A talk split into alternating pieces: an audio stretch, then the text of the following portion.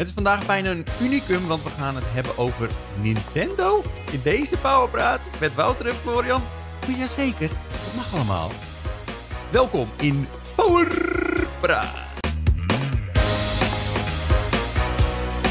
Oh, eh, heren. Ja, so- sorry. Ik probeer eigenlijk... eh, ik, ik zat te denken aan ehm, iconische items van Power Unlimited.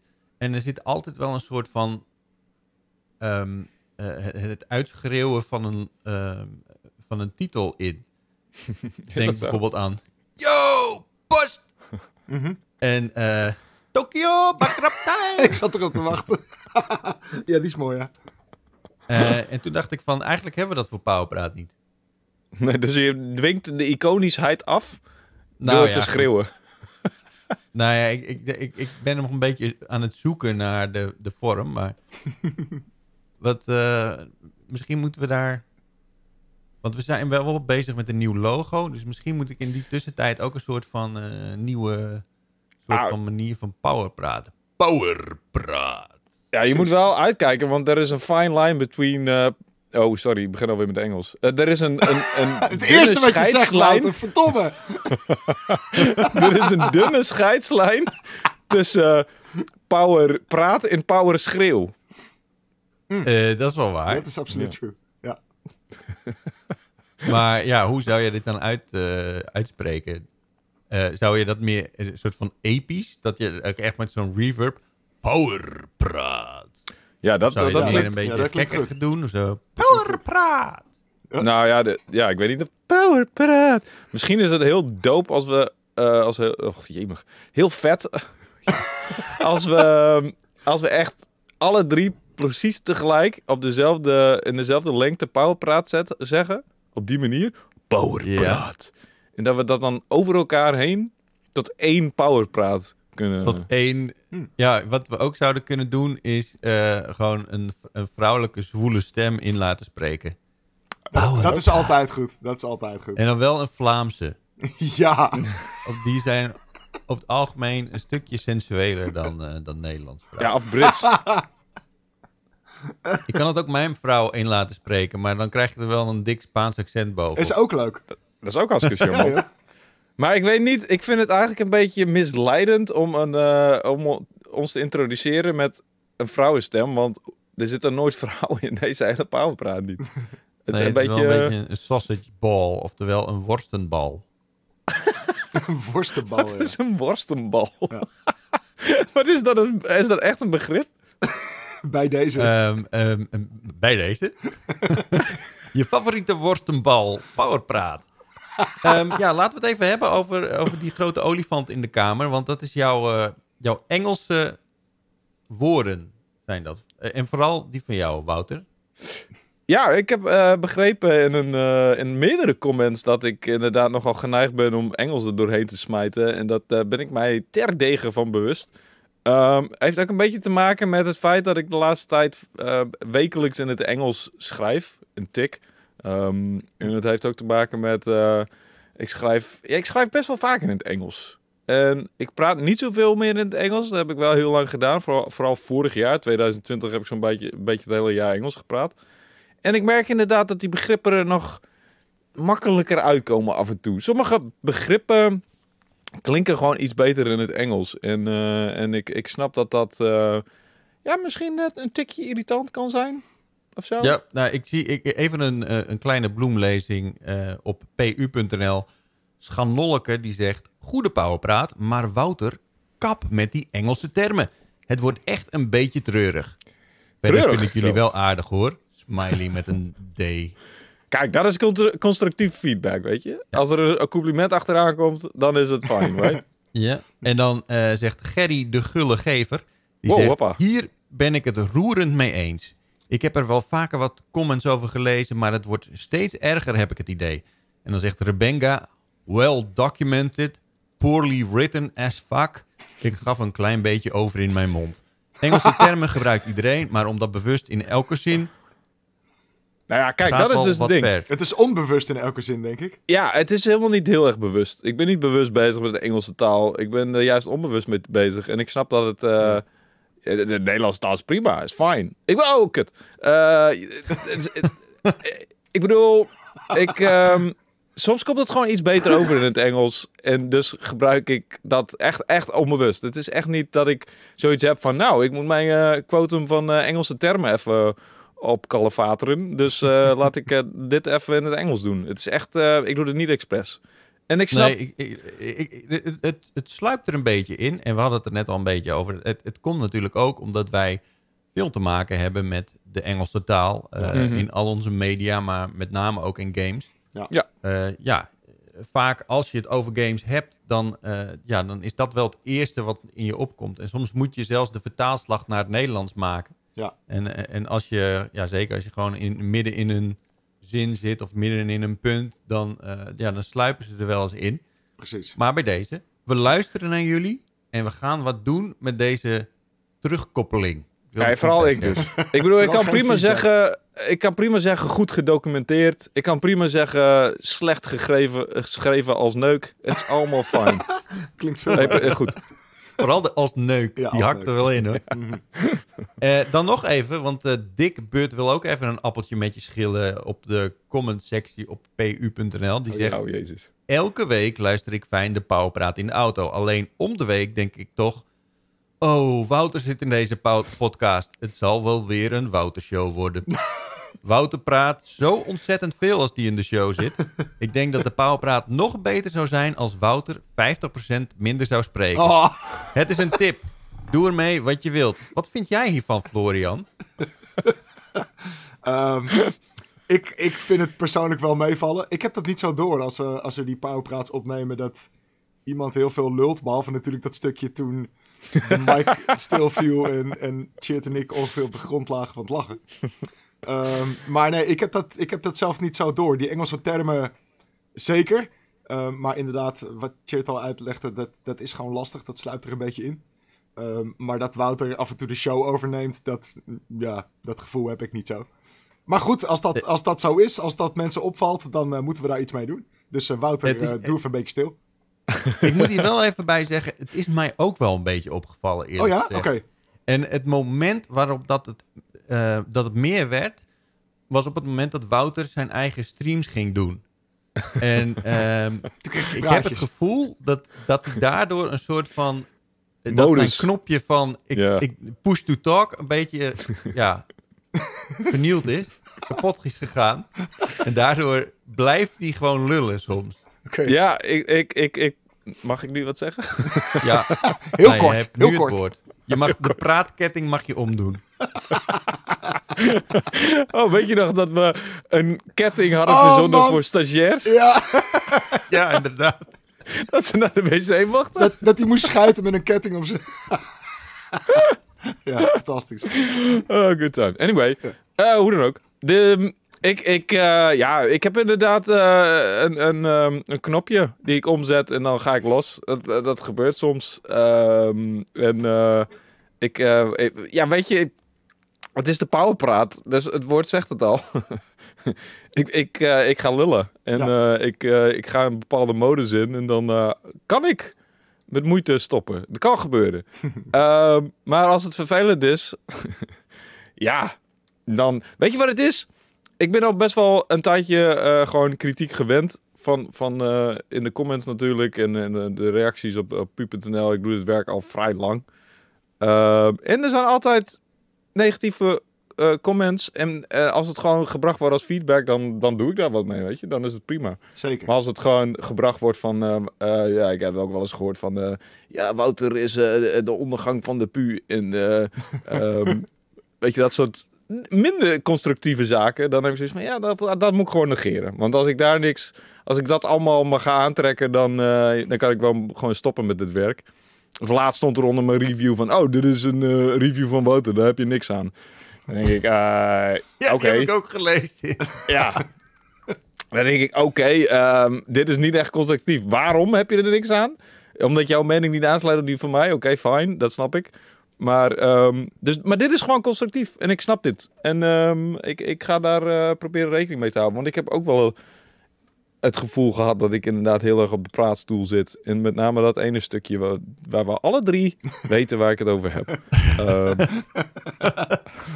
Het, het, dit is wel eh, eh, een van de meest legendarische momenten in de Powerpraat. eh tenminste, een van de meest memorabele stukjes in de... Ja, weet je, wel, ik, Veras die zei het ook al. Ver, Veras, eh, ik weet niet of jullie die kennen, eh, luisteraars, want je Chit en, en Florian kennen hem zeker. Zeker. Veras Va was dus een beetje een vriend van Pu. Ja. En die luistert ook altijd nog onze Powerpraat, zeg maar. En die... eh, Hoi, Veras. die- wat zei je? Hoi Veras. Ja, hoi Veras, leuk dat je luistert. Weer als. Ja, ik vind, ik vind zijn muziek echt heel tof. Ja? Hij maakt ook muziek dus. Ja. En- even checken. En vorige week liet hij ook, eh, nou ja, vorige week dus pas, dus hij, liep, hij loopt iets achter met de powerpraats. Maar goed, dat is hem vergeven. Eh, zei hij ook dat hij echt helemaal in de stuip lag om dat, eh, om dat fragment. En eh, ja. Dus ik, ik zal mijn best doen om Jo, en het is, het, is, het is heel cliché, Wouter, maar als je geen haters hebt, dan doe je iets verkeerd. Ja, dat is Dus, eh, Daarom, dat, is het inderdaad. Ja, En dat- ben ik me hoeveel haters heb jij, Florian? Want niet- ik kan me weinig ja, voorstellen. echt niet zo heel Ja, veel, precies. maar, maar af, en toe, af en toe zit er eentje tussen, zeker. En dat, en dat hoort, dat moet. Als, de- als je geen Ja. haters hebt, dan, dan doe je het verkeerd. Dus er Nou. kom maar haters, ik embrace it. Nee, nee, ik, ik omarm het, sorry. Ja, Eh. eh, eh, misschien is dit ook gewoon, weet je wat het ding is, Wouter? Als je, als je veel praat en eh er zijn allemaal rake klappen, dan is het misschien niet zo'n probleem. Oh, oh. Maar, soms heb je gewoon wat moeite om tot je punt te komen. En eh, soms dan denk ik ook Over van, rake holy klappen Hoeveel komma's zitten er in dit, eh dit Hoeveel stukje, zeg kommas maar? zitten er? Ja, ik, eh, ik snap dat. Ik eh, zal wat sneller toe... Ik, ik, ik neem deze kritiek ter harte, of ten harte. Ja. hey, jongens, even iets anders. Wat zou je doen? Je fietst op straat. En eh, er loopt een man op straat. Nou, rond eh, ja, eind 40, zoiets, begin 50. Met een hele grote kartonnen doos. Gestapeld op een andere kartonnen doos. En die zit daar een beetje in. En hij, hij loopt op straat. En midden op straat flikkert het uit zijn handen en vallen er allemaal... En je hoort allemaal glazen kapot vallen en wat dan ook. En je ziet op dat moment dat ja, de dingen kapot gaan. Aan de andere kant van de straat is een vrouw enorm aan het lachen en die komt naar hem toe en die praat met hem. Wat zou jij doen? Zou jij doorfietsen? Of zou je hem gaan helpen? Maar wacht even, gaat die, gaat die vrouw er al naartoe om te helpen of om hem uit te ja, lachen? die vrouw is al... eh, nou ja, die, op het moment Om dat je, dat je de beslissing moet maken... Ja? zie je dat nog niet, maar uiteindelijk gaat ze er naartoe, ja. Ja, als je die beslissing moet maken, dan, dan ga je er in eerste instantie naartoe, denk ik. Maar als Ja, je... je gaat hem helpen. Het zijn gewoon, het zijn gewoon lege glazen van, die, die je naar de glasbak brengt. Oh, oké. Ehm, ja, dan, dat maakt het wel iets minder boeiend of zo. Ik dacht dat het... Dat het...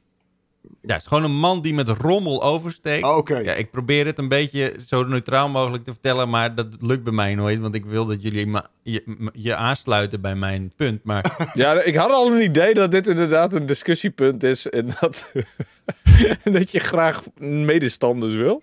Als het, als het, als het, het, het troep is, dan, eh, dan zou ik doorfietsen, denk ik. Succes met je jij, troep. Wouter?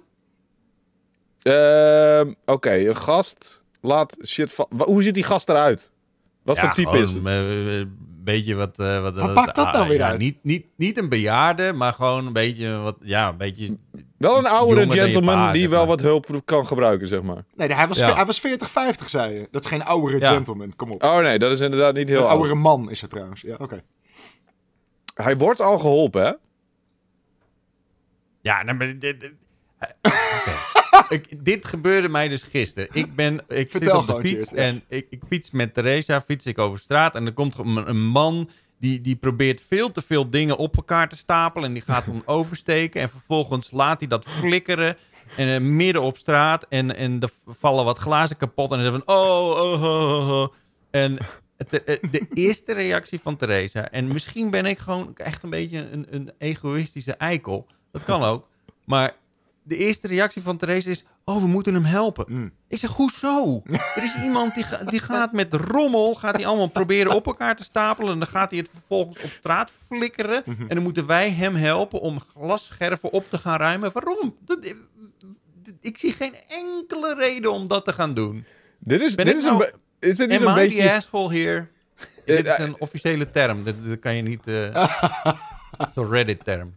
Is dit niet een PM. beetje de, de, de, zeg maar, de, wat, de Friese mentaliteit die botst met de Spaanse mentaliteit gewoon? Is dat niet vaker dat Ja. jullie dat hebben? Eh, ja, dat zeker wel. Maar, ben- maar, maar serieus. Heb ik hier een punt? Of denken jullie van, ah, je bent wel echt een beetje, eh, een beetje een klootzakje zo? Ja, het, is, het is best wel Ik- lastig om, om in te schatten zo. Omdat, Ja. inderdaad, als ik het idee zou hebben ook maar dat het eh, waardevol was, in ieder geval voor hem, eh, dan ben ik wel geneigd om te zeggen van, oh, dan, dan help ik even of zo. Want dan, dan heeft die kerel Ja. echt een kutmoment gewoon. Nee, Eh, maar dit was gewoon iemand die, die er ook een beetje om lachte. Die, die dacht van, ah ja, nee, dan, ik dan zou ik, zeggen, succes met je troep, hè. Tring, tring en ik fiets lekker door. Ja, Ja, eigenlijk, Ja. eigenlijk heb ik een beetje... Ik help, eh, en dat is misschien een beetje positief discriminerend, of gewoon überhaupt discriminerend, maar ik help eigenlijk bijna alleen maar oude vrouwtjes in dit soort situaties. en oude Ja. mannetjes ook wel trouwens. Nee, dat is Ja, niet nee, oude mannetjes zou ik ook wel. Echt, Die echt mensen die, die gewoon amper kunnen ook- bukken. Ja, Ja. oké, eh, precies. Maar dan is het dan weer anders. Maar deze man is gewoon, weet ik veel, 40, 50. Ja, Eh, die kan het prima zelf. Ja. Ik ben zelf bijna 40 man. Ik bedoel, kom maar. oh, man. Verschrikkelijk. En wat nou, en wat nou als iemand in de supermarkt laat... ehm, die, die zit eh, te neuzen in de, de pakken met meel. en die laat per ongeluk zo'n meelpak vallen. Ja, daar heb je werknemers En- voor, kom op. Ja, dan moet, dan moet er En, gewoon en iemand... dat gaat eh, niet kapot of zo. Maar mijn vrouw, die, staat, die, die is dan meteen... Gaat die dat oprapen voor iemand? En dan denk ik, ja, die is toch... Het is, Ze moet ook even denken aan coronatimes, hè? Je, je kunt het beste zoveel mogelijk afstand nemen van mensen these days. ja. En als je Nou ze ja, helpt... ik heb gewoon een hele lieve vrouw. Laten we het daarop houden. Zeker, Maar ik ja. vroeg me af wat jullie zouden doen. Nou ja, ik bedoel, eh, is dit ook toevallig eh, ehm, een leeway into... Een bruggetje ergens naartoe, ja? Ja, een bruggetje naar, naar zeg maar een of andere game waarin je eh, morele ehm, kwesties moet, eh, moet oplossen. Of, tenminste, elkaar morele of vraagstukken. Ja. Niet? Nee, eh, is, daar, is daar een game over dit soort situaties? Ik zou spelen. Het zou echt een cheered game zijn. Waar zou je dan punten voor krijgen, vraag ik me dan af. Nou, ik doe me Maar- wel. De, ik dacht namelijk echt dat jij. eh, Welke game had je ook weer ook, ook gespeeld gedaan? Want er, er is een game. Oh, Rustler. Oh ja. Gedaan. Ja, dat is heel wat anders. Maar er is ook een self-righteous arcade comedy. En dit lees ik op, dus vandaar in het Engels. Genaamd Say No. Ehm, en ik dacht een heel klein beetje dat dit jouw, eh, jouw bruggetje naar die game was. Maar dat is dus Ah. niet zo. Het zou ook een beetje in de lijn van een Titled Goose Game kunnen zijn. Dus een beetje de, de klootzak simulator. Ja. Ja, precies.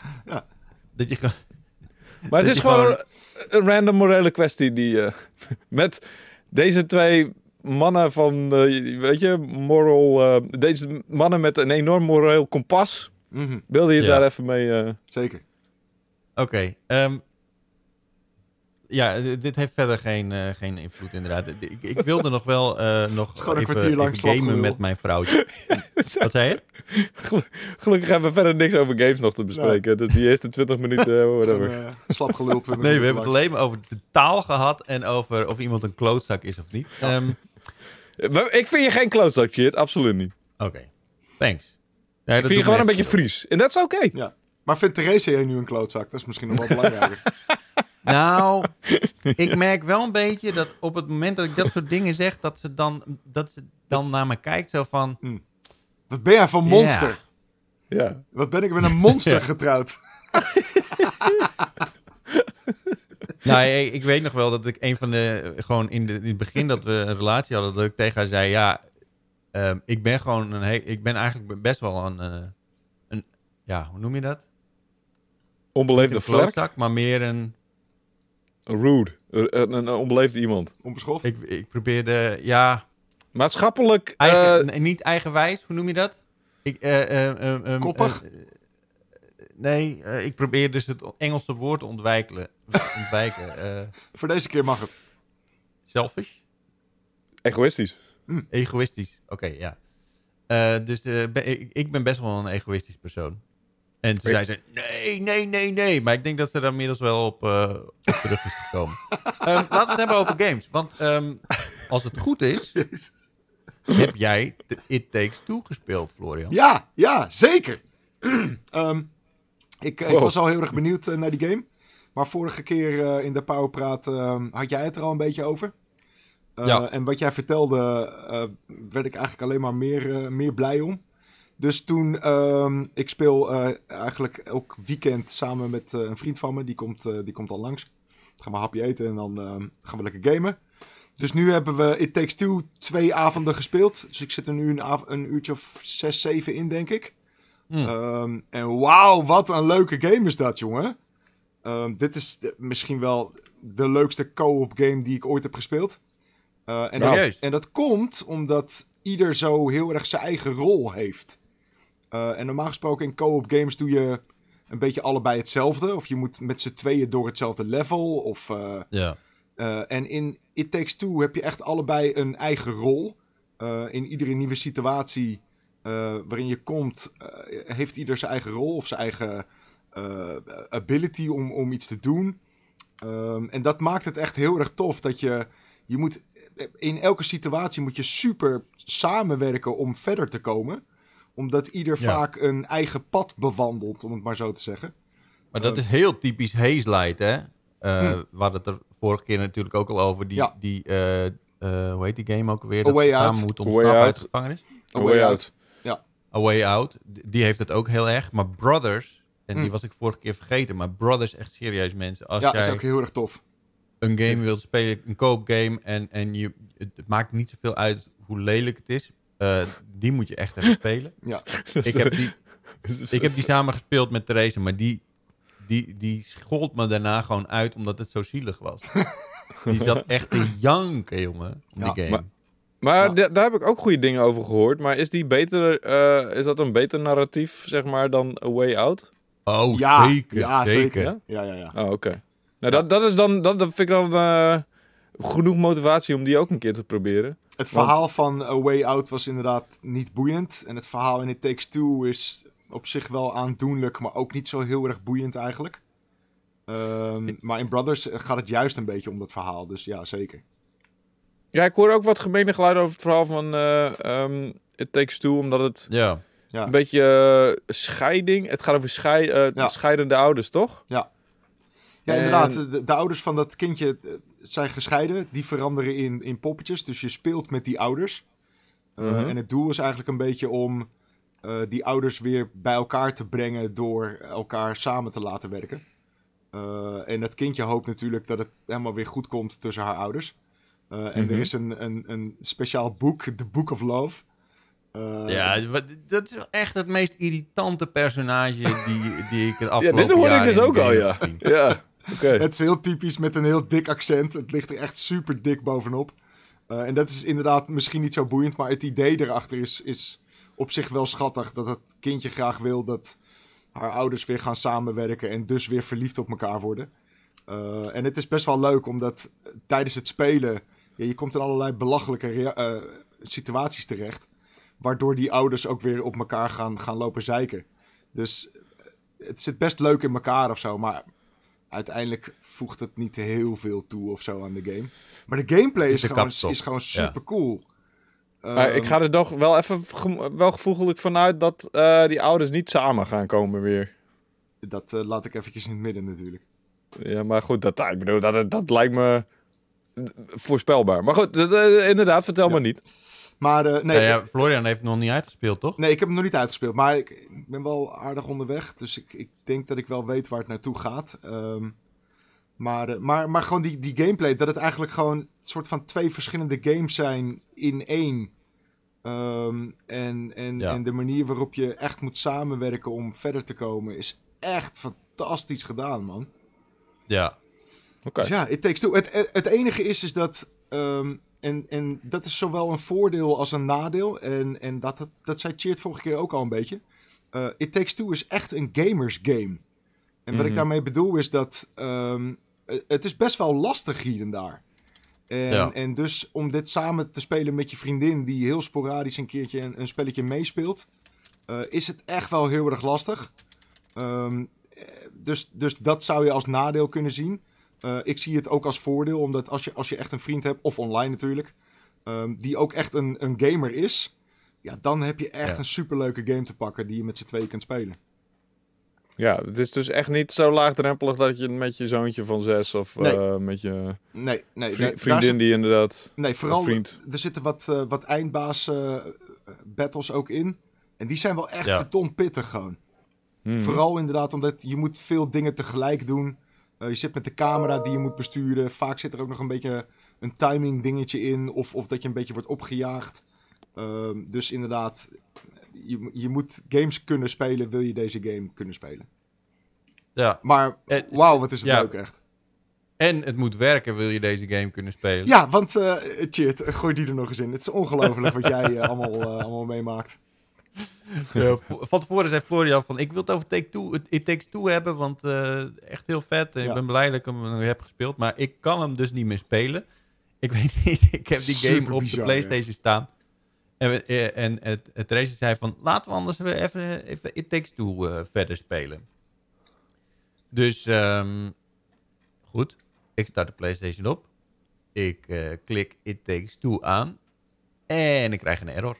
En ik krijg het gewoon niet gedaan. Ik heb alles geprobeerd. Ik heb de PlayStation opnieuw opgestart. Maar wat Ik voor heb, error eh, krijg je? De, de licenses gerestored, de licenties hernieuwd. Ja. In het Nederlands dan. Eh, maar het werkt gewoon niet. Ik krijg de hele tijd de error en die zegt eh, Maar wat voor dat, error? eh, Wat dat voor de error app niet kan starten. Wat zei je? Wat voor, Something went wrong? Zoals als de PlayStation 5 al vaker doet. Gewoon something went wrong. precies, wat voor error Nee, krijg nee, je? nee. Ik krijg wel een specifieke error en hij zegt hij kan niet verder opstarten. Eh, of hij kan de app niet opstarten. Hm. En eh, ja, eh, en dan vervolgens eh, ja, eh, niks werkt. Waarschijnlijk moet ik hem nu dus gaan deleten en dan eh, verwijderen en dan eh, ja, opnieuw gaan downloaden. Of je database rebuilden, dat zou ook nog wel eens kunnen helpen. Ik heb die licenties heb ik hersteld. Is de da- database weer iets anders Ja, wat, is- wat je moet doen bij zo'n onbegrijpelijk PlayStation issue?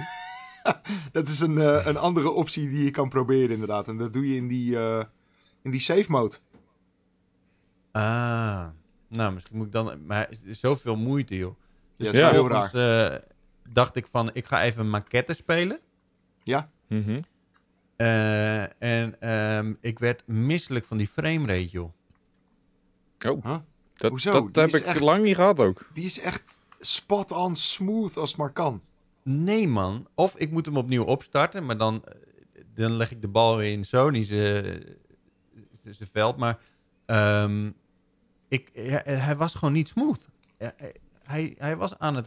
Ja, net alsof hij net onder de 30 lag of zo. Of op de Onder 30. 30. Wauw. Ja, ja je, wordt, je, wordt, je gaat niet ehm, misselijk worden als het inderdaad 30 is of meer. Dat moet echt dan wel ver onder de 30 zitten, lijkt me. Nou ja, als het, Nou, als ik- het heel erg onstabiel is, dan, Ja, precies. dan kan je daar niet goed van worden inderdaad. Maar, Ik begrijp me niet verkeerd. Ik vond het een fantastische game. Maar ik, hij voelde niet smooth aan. En misschien moet ik hem gewoon nog een keertje op, opstarten. Hm. Maar de, de, de sfeer in die game is echt fantastisch. De muziek is ook mooi gedaan. ja. Ehm, eh, en en ik, ik- we zijn nog niet zo ver hoor. Ik, ik, we hebben het samen even gespeeld. Tot we op een gegeven moment beide misselijk werden, letterlijk. ehm, van die game. Wauw. Maar heel erg leuk gedaan. Dus je zit eigenlijk in een soort van maquette. En dan moet je, en in die maquette zitten weer allemaal kleine maquettes. Ja. En dan moet je dat eh, zo, een soort van eh, met elkaar combineren, zodat je eh, pu- puzzels op kan lossen. Ik vond dat echt super leuk gedaan. En eh, ja, nogmaals, sfeertje heel erg tof en eh, muziek ook vet. Dus ik, eh, ik, ik ga hem zeker nog een keer opstarten, maar als die, die framerate nog steeds zo gek is, dan, eh, Hm. dan eh, denk ik niet dat ik hem helemaal uitgespeeld. Oké. En Maar, ik heb Overcooked 2 dan maar gespeeld, omdat, eh Ah, omdat fantastisch. It Takes Two niet, maar we eh, hadden het hier al voor, die tijd even over, eh, voordat we gingen opnemen. Maar het zou ook kunnen inderdaad dat het ehm, eh, codes zijn van EA die gewoon op een gegeven moment niet meer Ja, het is raar. geldig zijn of niet meer werken. Want dat heb ik wel eens eerder gehad. eh, ook met Battlefield 1 wat, wat is dat eens gebeurd. Eh en met Battlefront ook trouwens. Dat zijn gewoon codes die krijgen... Reviewcodes van EA die we krijgen. En die zijn soms tijdelijk... ehm, ja, tijdelijk bruikbaar. En op een gegeven Ja, moment... inderdaad. Maar meestal is- het wel wat langer. Dat is dan meer echt een paar maanden dan een paar weken. Ah, ik weet, Maar ik ja, weet, goed, misschien is dat het wel. Dat Ik weet kunnen. met eh, Marvin, eh, met Battlefield 1, toen hij Battlefield 1 had gereviewd, dat was echt heel kort nadat die, eh, dat het embargo voorbij was, dat hij die code niet meer kon gebruiken. Ah, Dat was is echt echt misschien raar, zelfs een week daarna of zo. Misschien zelfs wel meteen. Op de dag van embar- embargo. Maar dat weet ik niet meer zeker. Dan Wauw. zou je aan Marvin moeten vragen. Maar ehm, ja, misschien is dat het. Dat hebben ze ook gedaan met mijn eh, Star Wars Battlefront 2 eh kopietje. Ja. Ehm, Die ik toen kon reviewen. En daarna wil ik hem weer even opstarten, want er was een update of zo. En toen kon ik hem dus niet meer spelen. Nee, precies. What ja, dat zijn wel een beetje... de- Ik vind dat heel onbegrijpelijk. Ik snap Ik daar echt niet zoveel van. Helemaal voor zo'n game die, die constant updates krijgt. Wat een soort van eh, game as a service bijna is. En waar je Ja. dus van op de hoogte wil blijven. Ja. Waarom zou je helemaal... En Battlefield 1 ook, hè? Die, die, die krijgt constant updates, nieuwe maps en weet ik veel wat allemaal. Waarom zou je in godsnaam ervoor zorgen dat die reviewcodes tijdelijk eh, bruikbaar zijn? Is Het, heel lijkt, het lijkt me ook gewoon meer moeite, omdat er moet, er moet letterlijk een timer ingebouwd worden, die hem dus op een gegeven moment Ja, stopt. Ja Heel ik denk weird. dat je dat, dat- ja, ja, ik denk dat je inderdaad wel even een parameter in moet voeren van tot hoe lang is die Ja, geldig. maar waarom zou je dat doen, weet je? Dat, dat is toch, Ja, dat is toch weird? ook niet, eh, niet veel ja, het is een beetje hetzelfde als een previewcode of een beta of zo, toch? Dat hoeft niet eh Maar hoezo? Een preview kan je ook gewoon blijven spelen. Ik bedoel, een beta ook eh, niet, maar dat heeft met servers te maken. Maar die gamecode kan ik nog steeds opstarten. Het is heel raar dat ze dat... dat Ik ze- weet niet, misschien is het gewoon simpelweg van eh, hij moet contact maken met de server. En als dat, eh, weet je, en eh, op een gegeven moment kan dat dus niet meer. Ja, maar bij een Eh. game als in dit geval It Takes Two, dat, dat slaat nergens op. Nou ja, Nee, goed, nee, nee, het- klopt. Het zal wel. Ik vind het ook stom. Cheers, Nou. ik vind het ook stom. Ik wil dat jij Ja. lekker je spelletje moet kunnen spelen. Oké, Ja, nou goed, het, is dus niet per definitie een, een, een, een PlayStation-ding. Toch verwacht ik wel dat dat het probleem zou zijn. Maar ik, ik Ja, maar even op een gegeven moment ga je er ook gewoon vanuit, weet je. Maar ik ga het wel even uitzoeken en dan horen jullie het over twee weken. Mooi. Goed? Ja, heel benieuwd. Toppie. Maar nu zeg ik dat allemaal wel, maar volgens mij ben ik over twee weken op vakantie. Wat? Dat kan dus Oh, niet, want we moeten powerpraat opnemen. Ja. Dan weet je. Ja. Hm, nou, misschien. Oké. Nou, we hebben het een keer met eh, Lucas gedaan, toch? Dus kan. Oh ja, Ja, kan. ja, maar eh, ik vind het wel leuk om het eh, even samen te doen. Eh, ehm, even kijken. En eh, we hebben dus Overcooked 2 gespeeld, om het even af te maken. Anders dan eh, kunnen jullie verder. Ehm eh, Overcooked 1, fantastische game. Ja. Overcooked 2 ehm, is eigenlijk precies hetzelfde, maar dan gewoon, je kan ook met eten gooien. Dat is super grappig. Ja, dat is inderdaad het verschil, ja. Dus ik zit op een gegeven moment komkommers naar mijn vrouw te gooien. Heel erg leuk. Eh, dus eh, dat hebben we even, even, even een tijdje gedaan. En eh, voor de rest eh, ben ik nog steeds hooked aan Rocket League en Warzone. Dus eh, voor mij een beetje weinig, eh, weinig gespeeld. Want ik, ik heb dus dit weekend heb ik mijn, Sorry, mijn gitaar afgestoft. Ah, ik zag het inderdaad. Ah. ja. Dus ik ben daar weer mee bezig. Ik heb nu wel last van mijn eh, vingers. Oh. Maar goed, dat, dat, dat schijn je dan doorheen te moeten bijten. Door de pijn. Eelt door de pijn vingers. heen. Ja. Ja, maar het is wel echt een, een levenslange droom voor mij om, om gitaar te kunnen spelen. Maar mijn luie aard zo heeft ervoor gezorgd dat ik het nooit heb gedaan. Nu ben ik echt halverwege de 30 en ik heb het nog, ik heb het nog steeds niet onder de knie. Je bent ook wel Weet een, je, eh, vroeger toen... een gitaarachtige toen kon ik- dude. Wat zei je? Je bent ook wel een gitaarachtige dude of zo. Ik krijg wel Ja, nee, Kumbaya-vibes bij het Ja, eh, vuur bij, van Ja. jou. Ja, dat. Ja, nu, nu schets je wel weer een heel irritant persoon. Maar ehm, ik, het, het is wel echt een, echt een wens van mij geweest. En eh, toen ik dus jong was, toen wilde ik dat ook al heel graag. En alleen toen ben ik afgehaakt omdat ik eerst blokfluit moest gaan leren. En toen dacht ik, ja hallo, dat wil ik niet. Ik wil geen blokfluit leren. Dat is echt het meest suffe apparaat ooit. en toen heb ik dat niet gedaan. Toen heb ik later een keer een gitaar gekocht. En toen was ik er bezig en toen deed, deed pijn aan mijn vingers. En toen dacht ik, uh, uh, uh. En toen ben ik ermee gestopt. En de- toen dacht ik, twee weken geleden of zo, toen dacht ik, fuck die shit. Ik wil dit gewoon echt leren. Waarom ben ik hier niet meer doorgegaan? Ik bedoel, pijn aan mijn vingers? Wat, waar gaat dit over? Hoe kan je daar nou stoppen? Che- Cheers, je bent een gamer. Je kan niet zoveel hobby's er meer bij gebruiken. Nou, dat is wel waar. Ja. Het, is, het is wel zo dat... eh Therese zegt dan altijd tegen mij van... eh, ga je nu weer gamen? Wil je niet iets anders doen een keer? Oh jee. Lees een boek. Oeh, man. dat is, een, dat is een heftige burn, man. Nee, ik heb, ik heb een The Witcher boek eh, op mijn nachtkastje liggen. Ah, Dat is een goede tussenweg. oké. Ja, maar ehm, ik- ja, weet je wat het ding is? Eh, Als ik, ik heb meerdere hobby's, maar als ik moet kiezen, dan ga ik gewoon voor gaming. Dat Ja. is een beetje het ding. Ja, Dat is ook gewoon een hele fijne basis, toch? En het is eh, heel makkelijk om naar terug te keren. Het, het, kost, het, het, het, is een fijne ehm, tussenvorm van ontspanning en eh exhilaratie, tintillatie. weet ik veel. Ehm, Ja. En, en het, ja, het kost ook gewoon weinig moeite om het op te starten. Het is beter dan een film opzetten. Zelfs een film opzetten kost mij al meer moeite dan gewoon eh, een game gamepje eh, opzetten? beginnen. Ja. Ja, op een of andere ja. dat is precies want moet- hetzelfde, man. Kom op. Nee, nee, nee, want je moet, eh, je wil Ja, je moet wel, je- ja, je moet even eh, nagaan wat voor mood je bent, waar je zin in hebt, weet je. Je moet eh, Ja. even iets, iets tofs opzoeken en soms is het niet meteen te vinden. En ehm, ja, en, en als je met iemand anders kijkt, dan moet diegene ook in de, eh, in, in de mood zijn om iets bepaald te kijken. Ja. Ik En ben, de game- ik ben het met je eens hoor. De keuzespier bij gaming is gewoon veel soepeler. Hm. En Ja. eh, er is bovendien minder te kiezen. Ja, dat is nou ja, ja. dat. Je, hebt- je hebt Game Pass, toch? Oeh, Ja. ja, ja, dat, dan wordt het Ja, wel veel, waar. Dan maakt het, eh, ja, dan maakt het toch gewoon... Maar voor mij is het altijd wel simpel, want ik ben meestal wel een game aan het reviewen. Dus ja, als ik dan... En, ehm, en er zijn ook bepaalde go-to games die ik heb, waar ik altijd naar terug kan keren. Tegenwoordig is dat de Mercenaries mode van Resident Evil 5, waar ik, eh, Hm. waar ik heel vaak naar terugkeer. Oké. Ehm, even kijken. Ik heb... eh, Florian, wat heb jij nog meer gespeeld? Behalve It Takes Two. Eh, iets heel eh on-Florians. Ik heb namelijk ehm, eh, de campaign van eh, Call of Duty uitgespeeld. En dat had ik nog niet Oh, gedaan. wat? Wauw. En dat doe ik eigenlijk Van Black altijd. Van, eh, Cold War. Van Cold War, inderdaad. Ehm, dat doe ik eigenlijk altijd. Voor de ontzettende achtbaanrit van begin tot eind.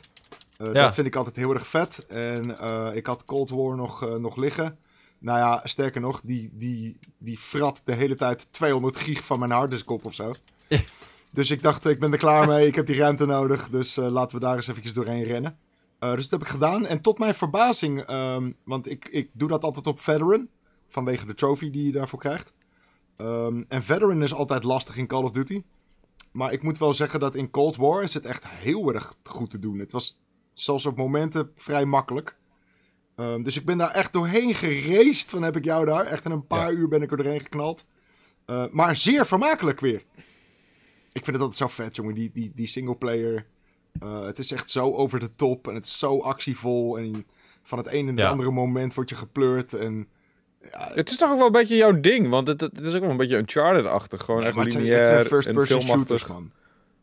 Ja, ja, nou ja, maar goed, ik bedoel, het is bi- bijzonder lineair. Het is heel erg filmisch. Ja, het is, eh, ja, daarom vind ik het wel vet, inderdaad. Wat ik zeg, het is echt een, een achtbaanrit. Ehm, Dus daarom speel ik ze eigenlijk altijd eventjes. Ehm, dus dat moest bij deze ook nog eventjes gebeuren. Dus dat heb ik gedaan en dat, eh, ja, ik vond het heel cool. Het enige is, je Welke is dat? Van hoeveel jaar in geleden? Amsterdam? Dat die gast het over bitterballen heeft? het begin inderdaad in Amsterdam, in, bitterballen. eh, in, in Café de. Stier is dat, geloof ik. ja. Eh, dus inderdaad, er zitten, er zitten wat Nederlandse dingetjes in. Het enige wat ik, wat ik wel een beetje gek vond, en ehm, ik heb de Call of Duty daarvoor niet gespeeld, denk ik. Anyway, ehm, halverwege die, die campaign ehm, zitten er twee extra missies in. eh, waarin je wat onderzoek moet doen. En dat vond ik een beetje, beetje raar of zo. En sterker nog, toen dacht ik van ja, ik, ik ga gewoon op internet kijken wat die code is. Want, want dat, wat kan mij het schelen? En toen kwam ik er dus achter dat die code is voor iedereen anders. Of tenminste, er, er Ja. zijn een, een, een aantal codes die gebruikt worden. Eh, En als je die code hebt, dan moet je ook nog eens een plaatsnaam daarachter tikken. Dus er zijn heel veel variaties. Eh, dus uiteindelijk heb ik het soort van moeten doen. Omdat anders dan, dan kwam ik er niet achter. Ja. En ik, ik vond dat een beetje gek of zo in een, in een Call of Duty campaign. Waarin ik een soort van onderzoek moest doen en een beetje een puzzeltje moest oplossen. Ehm, maar, maar buiten dat, ehm, ja, wauw, wat spectaculair, jongen. En ik speel hem op de PlayStation 5 natuurlijk. Dus het ziet er echt super vet uit. En ik speel hem in die 4K 60 mode met raytracing.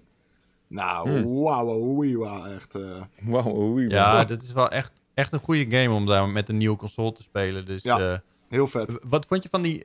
In Black Ops eh, games heb je altijd die mindfuck dingen. Mhm. Wat vond je van het, dat mindfuck level? Ehm, ja, heel erg eh, f- flip mode. Ehm, maar ook wel een beetje... Ik weet niet of het er echt in paste of zo. Mm. Maar, maar, maar, maar wel vermakelijk. Zeker. Nou, weet je wat het ding is met deze Call of Duty campagne? Ik vond hem eh, best wel gedenkwaardig. Gewoon. Oké. Als je, als je denkt aan de vorige Modern Warfare, er zitten een paar dingetjes in die ik me nog wel kan herinneren. Mhm. Maar het heeft vooral te maken met dat ik even die trofee wilde halen. Mhm. Maar ik vond deze, er zaten echt wel hele toffe dingen in, zodat je in het, eh, eh, in het eh, KGB hoofdkwartier, dat je daar moet gaan infiltreren en zo. Dat vond ik heel vet gedaan. Zeker. Hm. En, het, en het, het einde vond ik een beetje gek of zo. Een beetje ver gezocht. Ehm, maar goed, het, het, ik, heb me, ik heb me heel goed vermaakt. Ja, snap ik. Dus En? eh, dat eigenlijk vooral, ja. Oké. Nou, Wouter, jij mag nu praten. Nou, over eh, Call of Duty gespo- gesproken. Eh, afgelopen vrijdag ben ik, eh, ben ik even losgegaan in Warzone. Ik heb het Ehm, gezien. Ja. Eh, samen met eh Jurjen Bakker, onze ex-videoproducer. Die heeft mij even... Die, die heeft me goed wegwijs ge- gebracht. Ge- ge- gedaan. Maakt. Gemaakt. Mhm. in, in, eh, in Warzone. Hij heeft me heel veel uitgelegd. Hij heeft, heel, hij heeft me echt stap voor stap verteld wat ik moest doen ook. En dat hielp echt. En op een gegeven moment had ik daadwerkelijk kills. En ik heb zelfs een sniper kill gehad eh, in het hoofd van iemand. En, eh, en ik, Nice. ik, denk, ik denk dat ik in die... We hebben echt een, iets van een uur lang hebben we video's zitten kijken van, van Jurjen Bakker zijn, zijn geschiedenis bij, bij PU, zeg maar. En daarna hebben we eh, nou, nog twee uur Warzone gespeeld. En ik heb volgens mij wel iets van zeven kills gehad in totaal of. Op Lekker. een gegeven Kijk moment, op- wat ik echt heel kut vind van de Call of Duty is de gulag. Als ik daarin terecht kom, heb ik altijd zoiets van, ja, dit is gewoon een fucking verloren zaak. Als ik tegenover één iemand sta, ik, ik, ik ben gewoon, de kans dat ik dit, eh, dit overleef is eh 2%. En, en op een gegeven moment zei ik gewoon letterlijk van, ja, nou, nou ga ik naar de gulag. Nu, nu, nu, weet je, nu ga ik zeker ook een, hier een kill maken. En toen deed ik zelfs dat. Dus zelfs heb ik iemand doodgeschoten in de gulag, één tegen één. Dus toen was ik helemaal overweldigd. En toen dacht ik van, ja, dat Warzone is, eh, is helemaal niet zo slecht nog niet. Nee? Ga, je het, ga je het vaker spelen dan? Ja, weet je, ja, misschien wel. Weet, want het ding was altijd, ik had zo in mijn hoofd van, ik ben slecht in Call of Duty. Dat is niet mijn game. Ehm, ik, eh, ik, ik zou heel veel moeten oefenen om daar een beetje goed in te worden. En nu is dat een beetje uit mijn hoofd of zo. Nu heb ik zoiets van, nou, misschien kan ik het wel een beetje. Misschien zijn er wel het gat mensen is toch slechter niet dan zo ik. groot als je dacht. Wat zeg je? Het gat is toch niet zo groot dan je dacht. Nee. Ehm, dus misschien, eh, ja. Weet je wat het ding is? Ik speel dus met die vrienden van mij, spelen we of Destiny 2 of Warzone. Ehm, Ja. En ik heb hen een beetje richting Destiny 2 gepusht. Zo van, weet je wat, dat is meer mijn ding. Ehm, maar nu ben ik wel geneigd om gewoon met hun Warzone wel weer eens te proberen. Want het was echt wel leuk met hem, weet je. En als ik een beetje... Als iemand mij echt gewoon precies vertelt wat ik moet doen... En ik mag, kan gewoon iemand volgen in die game... Dan vind ik het best wel leuk. Dus ja. Ehm, en voor de rest, eh, ik heb Outriders gereviewd.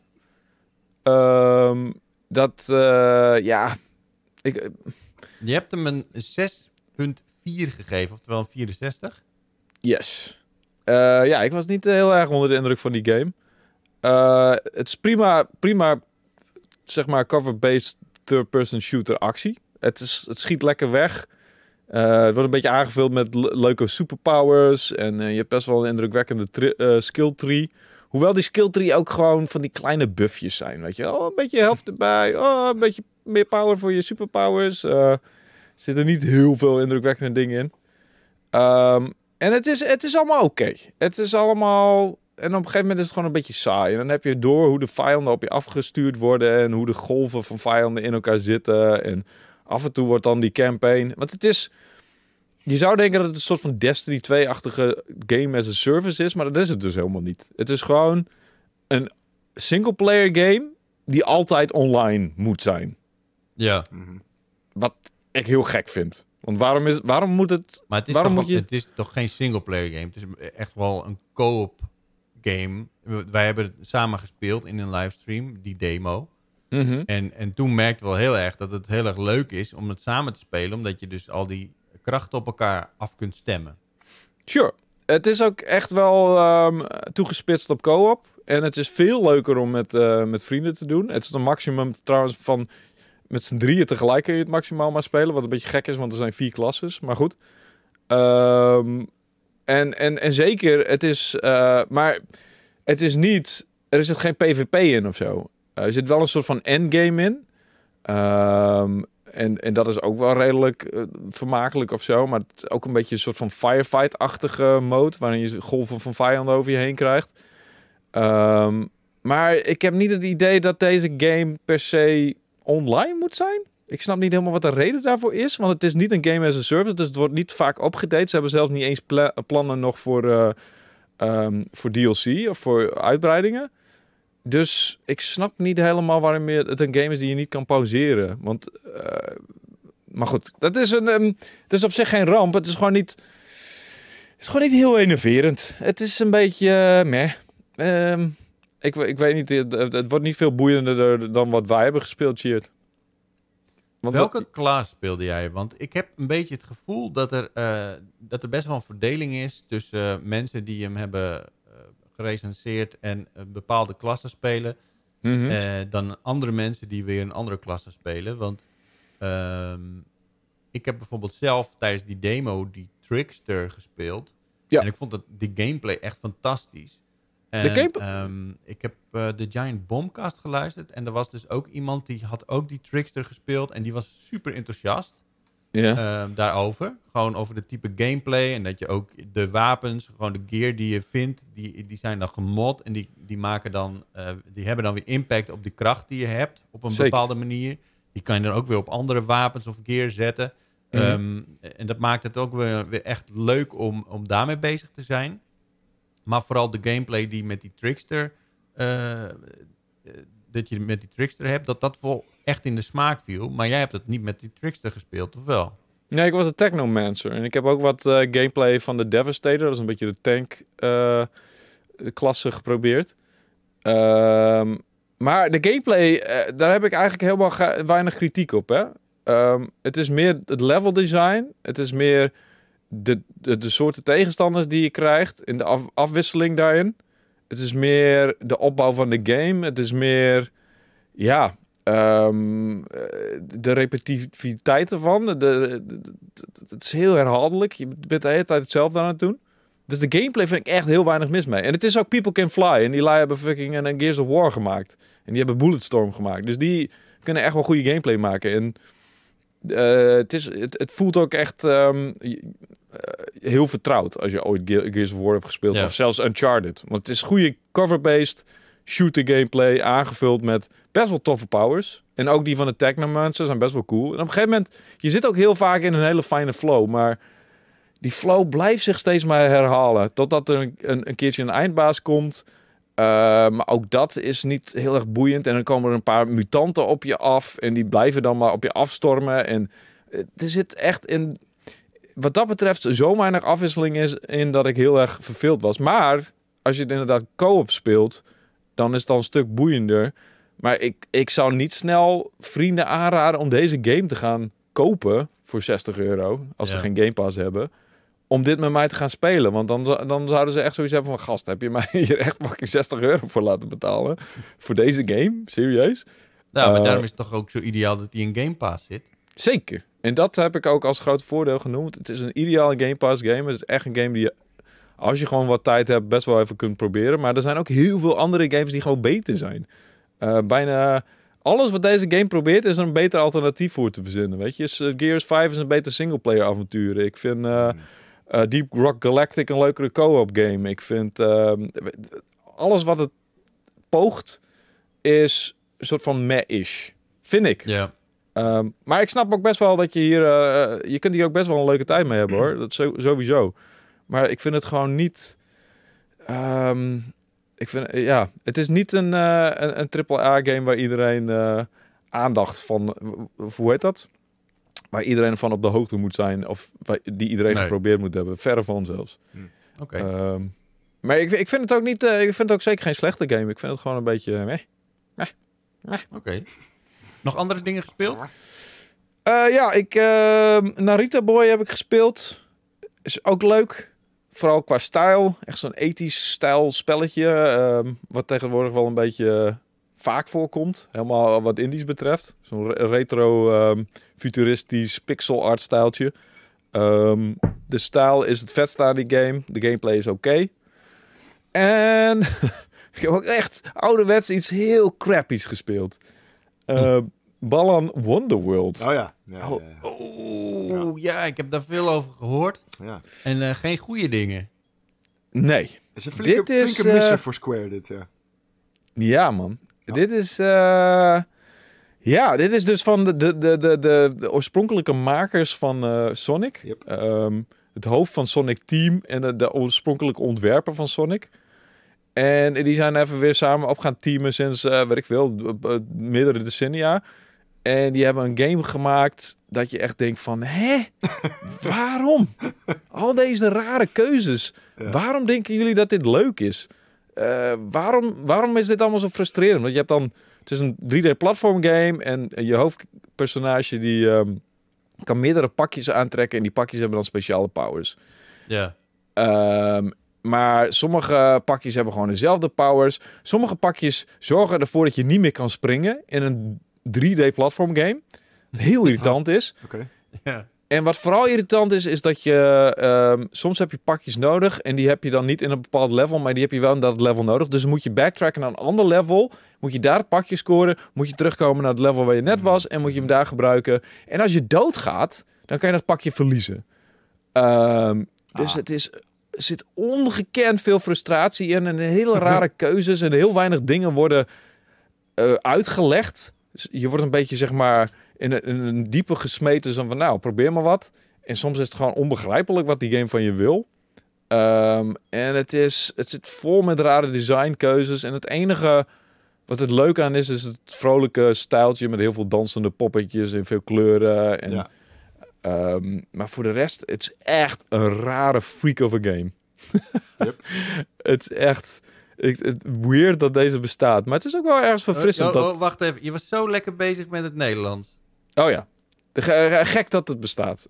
En ergens is het ook wel verfrissend dat er weer echt een, crap, eh, een, waardeloze game uitkomt. Gewoon. Ja, In ieder geval afwisseling. Dat is zeker waar, maar ik heb hier dingen van gezien. Ik, ik, het is echt onbegrijpelijk hoe dit überhaupt door eh, de kwaliteitscontroles Ja. van tegenwoordig is gegaan. Het is echt raar, man. Het, li- het lijkt wel echt een game van de PlayStation 1 of zo.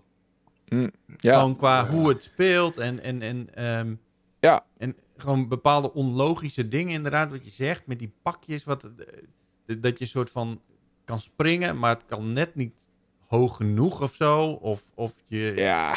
je kan niet vooruit springen of niet, niet, niet hoog springen. Of je hebt, ja, er zitten hele rare dingen in deze game. Het is echt een heel gekke game. En ook qua verhaal is het... eh, er wordt heel weinig verteld, maar er schijnt een of andere soort van boek te zijn als companion boek. Eh, gezelschapboek. maar volgens mij is dat niet echt een, eh, een begrip. Eh, wa- waarin dan het verhaal wat meer uit de doek wordt gedaan. Maar dat heb ik me niet heel mooi verdiept. Want dit was een game waarvan ik dacht, ja, die stap ik in de oog gespeeld. Daar ga ik niet...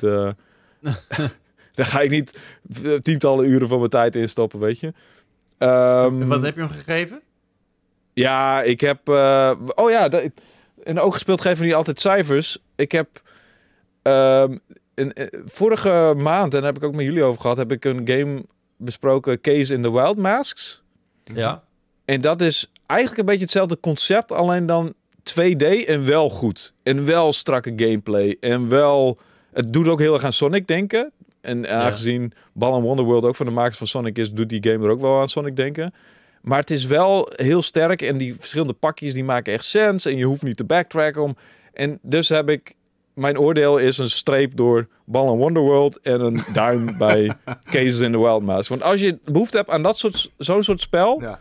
ga Ja. dan Cases in the Wild Mouse spelen, want dat lijkt, dat is, die is wel goed in elkaar, weet je. En dat is wel een fijn spelletje. En niet 3D, oké, maar hij heeft eigenlijk een beetje hetzelfde idee als inslag.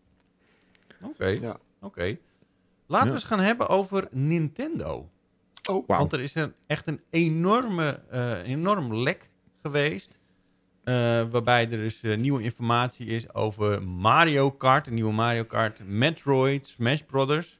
En Mhm. zelfs nog meer. Hebben jullie dat een beetje meegekregen? Nee, eigenlijk niet. Is het vers nieuws? dan. ja, is vrij vers, ja. Maar eh, wanneer was het? Gisteren? Eergisteren?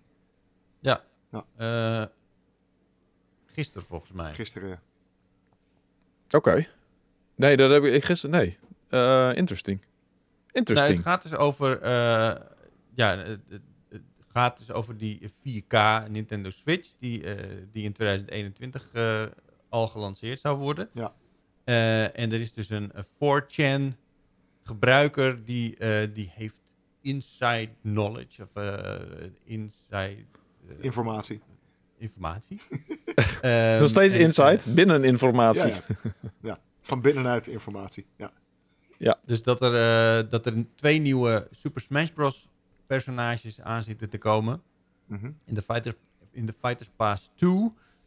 En eh, dat in de komende Nintendo Direct. ehm, even kijken. Ehm, even kijken. eh, nou, nu ben ik hem even kwijt hoor. Maakt niet uit. Dat er een nieuwe knippen we eruit. eh, 2D Metroid game in de maak is. Ja. Dus dat is wel interessant. Een, een 2D Metroid game, oké. ja. Ja. Voor de Eh, Switch. En, als, en al- eh, ook een, een, eh, een Kirby game die in de maak is. En ook een Dark Souls 2 poort voor de Nin- Nintendo Switch. Ah, oké. En, en, en volgens mij Mario Kart 9 zou eraan komen. Yep. En ook nog... Sorry, ik, ik, ik, had, ik, had dit, ik had eigenlijk gehoopt dat een van jullie dit... eh, ik, ik ben niet zo thuis in Nintendo, dus ik... eh, ja, wij wel. nou ja, ik doe mijn best, ik weet je. Deze En, eh, pauwpraat met dat we het ooit zouden doen. Maar we, hebben het over Nintendo. Ja, het, het zijn ook games. En het zijn ook zeker geen Het zijn zeker games, leuke dus- games, kom op, laten we eerlijk zijn. Nou, Maar, eh, ik, ben, ik ben dus wat meer geletterd geraakt in Nintendo omdat ik de bonus level podcast luister. Maar goed, eh, ik loop even wat achter. in deze hebben ze sowieso nog niet besproken. Dus op zich, ik doe mijn best op het gebied van Nintendo. En ik ben er ook nog best wel geïnteresseerd in. Maar dit, dit nieuws is me even ontgaan. eh. Ja, nou goed. In, in elk geval, eh, Breath of the Wild 2... die zal dus echt in 2021 komen. Ja. Eh, dat, Mhm. eh, dat, dat wordt bevestigd. Ja. En eh, dat er nog een, een, een complete reveal en, een, eh, en die release dus ook later dit jaar komt. En er zal ook nog een eh, Link's Awakening Switch port aan zitten te komen. En ook eh, Majora's, Mask, eh, Majora's Mask en de Triforce Heroes.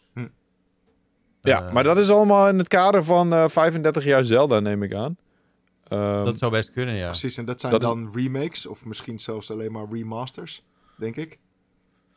Ja. Gewoon een... En dat ja, is een beetje, dat ook wel aan zit te komen.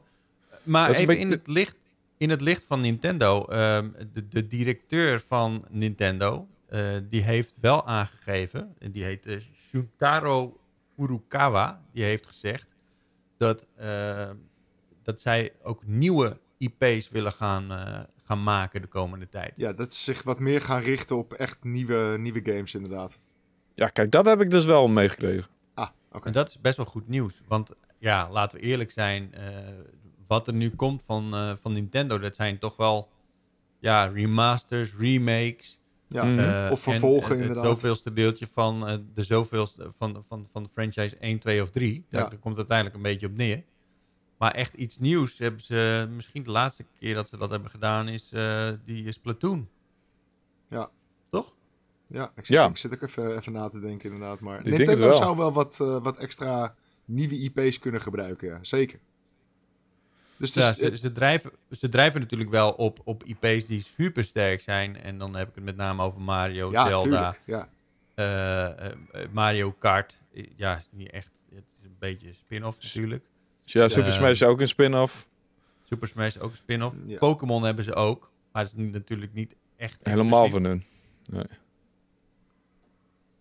Maar inderdaad, Dus ja. zeker cool Metroid. dat ze nieuwe dingen gaan doen.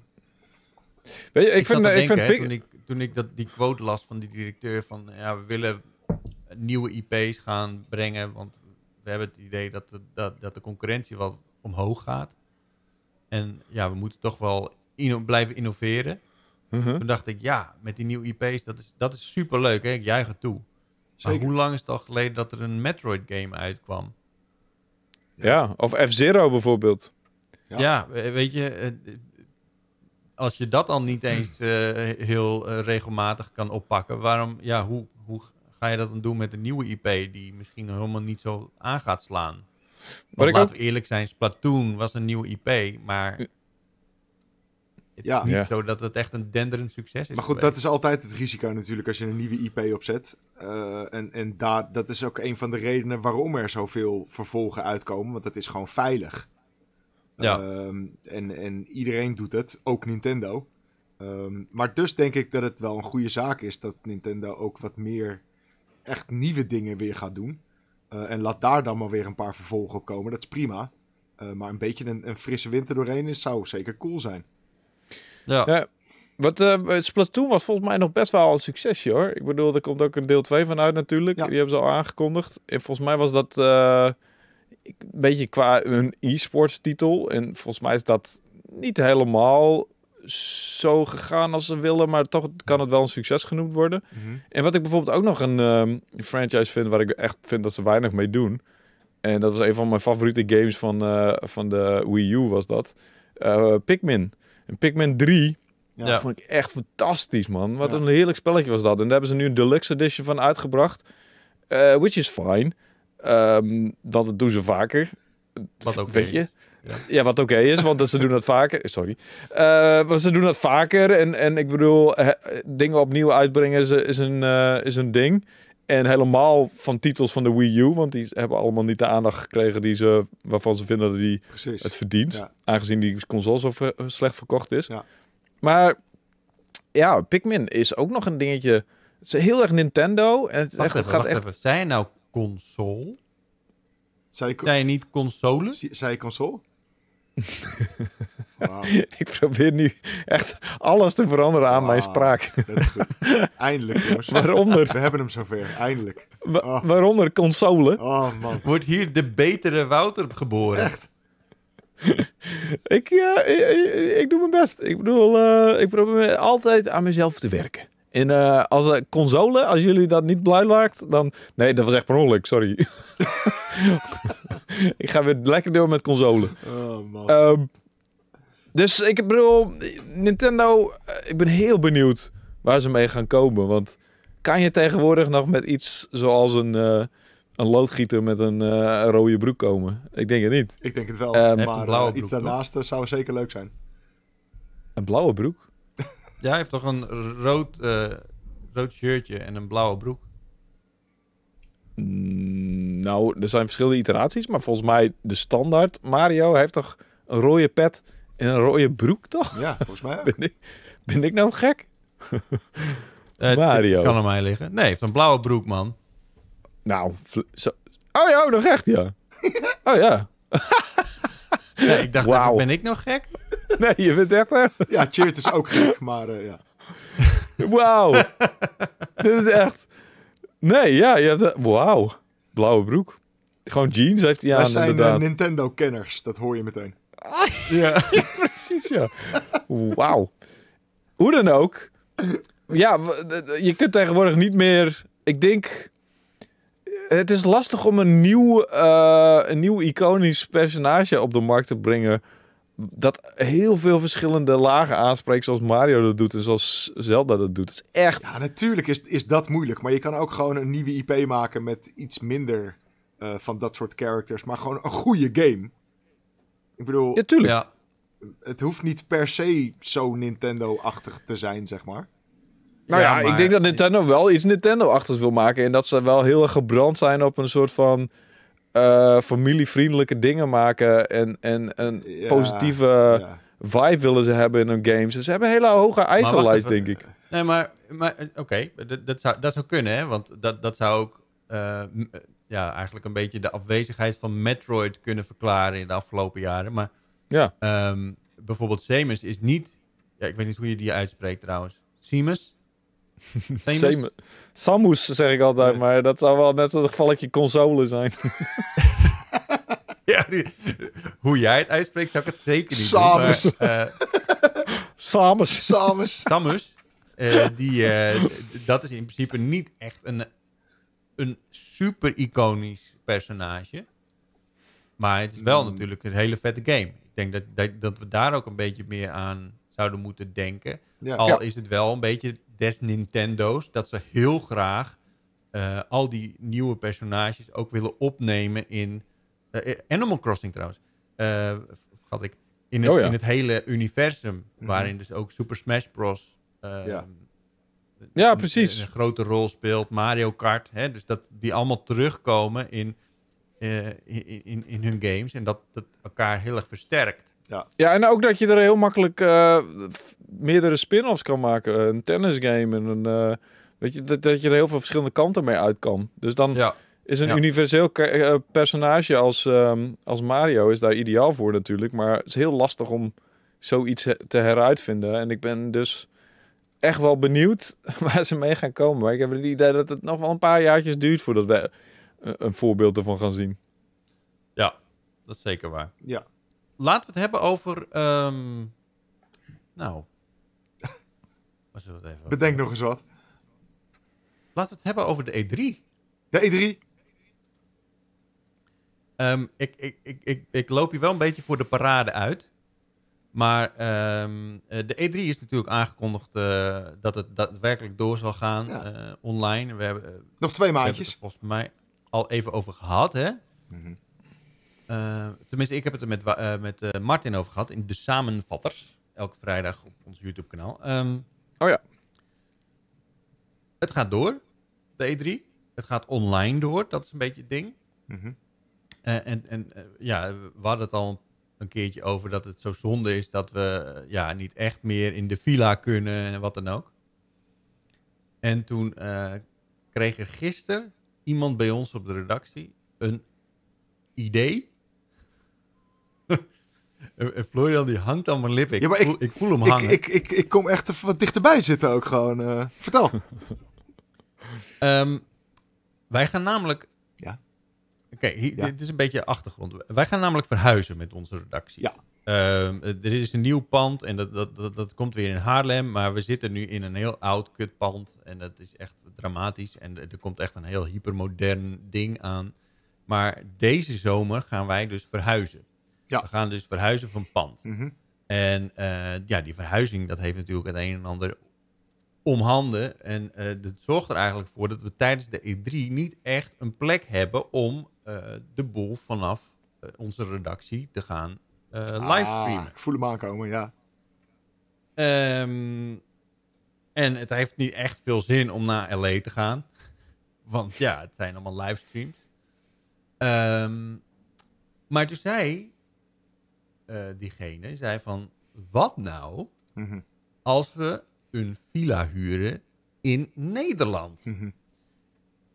En dan gewoon dat het E3-huis, de E3-villa gaan, eh, gaan, om gaan dopen tot de E3-villa. En dan vanaf daaruit gewoon alle E3-content gaan maken. Dus met E3-journaals eventueel, eh, met livestreams, met, met van alles en nog wat. Lijkt dat ons niet wat? Ga ik toch eventjes eh, een Engelse term erin gooien hoor. Maar eh, count me in. ja, graag. Heel vet. Ja, dope. Leuk. Doen. Dus het zou betekenen dat we eventueel, en dan moeten we dus natuurlijk wel even regelen dat we dat allemaal kunnen doen. Maar het, het kwam gisteren te sprake en ik vond het te leuk om het eh, te laten liggen in, eh in Pauwpraat. Hoe, hoe groot acht je de kans dat dit eh, echt een eh, valide plan gaat worden? Of dat het gewoon een eh, hersenspinsel is dat, mm, zeg maar, weg... Ehm, eh, ik denk dat eh, de, de kans dat het daadwerkelijk door zal gaan 60% is. Oeh, Oké. Wel, dat is meer dan de helft. interessant. Dat heb ik even gededuceerd met mijn ontzettend wiskundige brein. Maar, maar, maar eventjes, eh, even, even kort. Dus dat betekent dus dat wij met z'n allen daar in dat huis zitten. En vanaf daar bijvoorbeeld alle streams en zo eh, gaan doen natuurlijk. Ja. Eh, maar het is niet alsof we daar Ehm, ik bedoel, we gaan niet weg daar. We hebben geen afspraken. Dus we zitten de hele dag in dat huis of zo. ja, nou goed, kijk, de, alle ins en outs en de details moeten nog wel een beetje worden besproken. Maar ehm, eh, ja, daar zou het wel ongeveer op neerkomen. Dus eh, dat, dat er daadwerkelijk ook geslapen kan worden. En dat er, eh, Mhm. ja, dat, dat er gewoon eigenlijk continu dat we bezig zijn met de E3. Juist. Daar zou het dan op neerkomen, ja. Ja, klinkt, klinkt superleuk, man. Ja, zeker. Dus eh, d- dat, ik wilde dat even tegen jullie aanhouden. Regel Laten dat. we het eh, hebben over iets serieus. Oh. Want ehm, eh, het is al een tijdje geleden, eh, maar het, het houdt de gemoederen nog steeds bezig. Six Days in eh, Fallujah. Mm, mhm. Fallujah. Fallujah. Fallujah, Fallujah. denk ik, ja.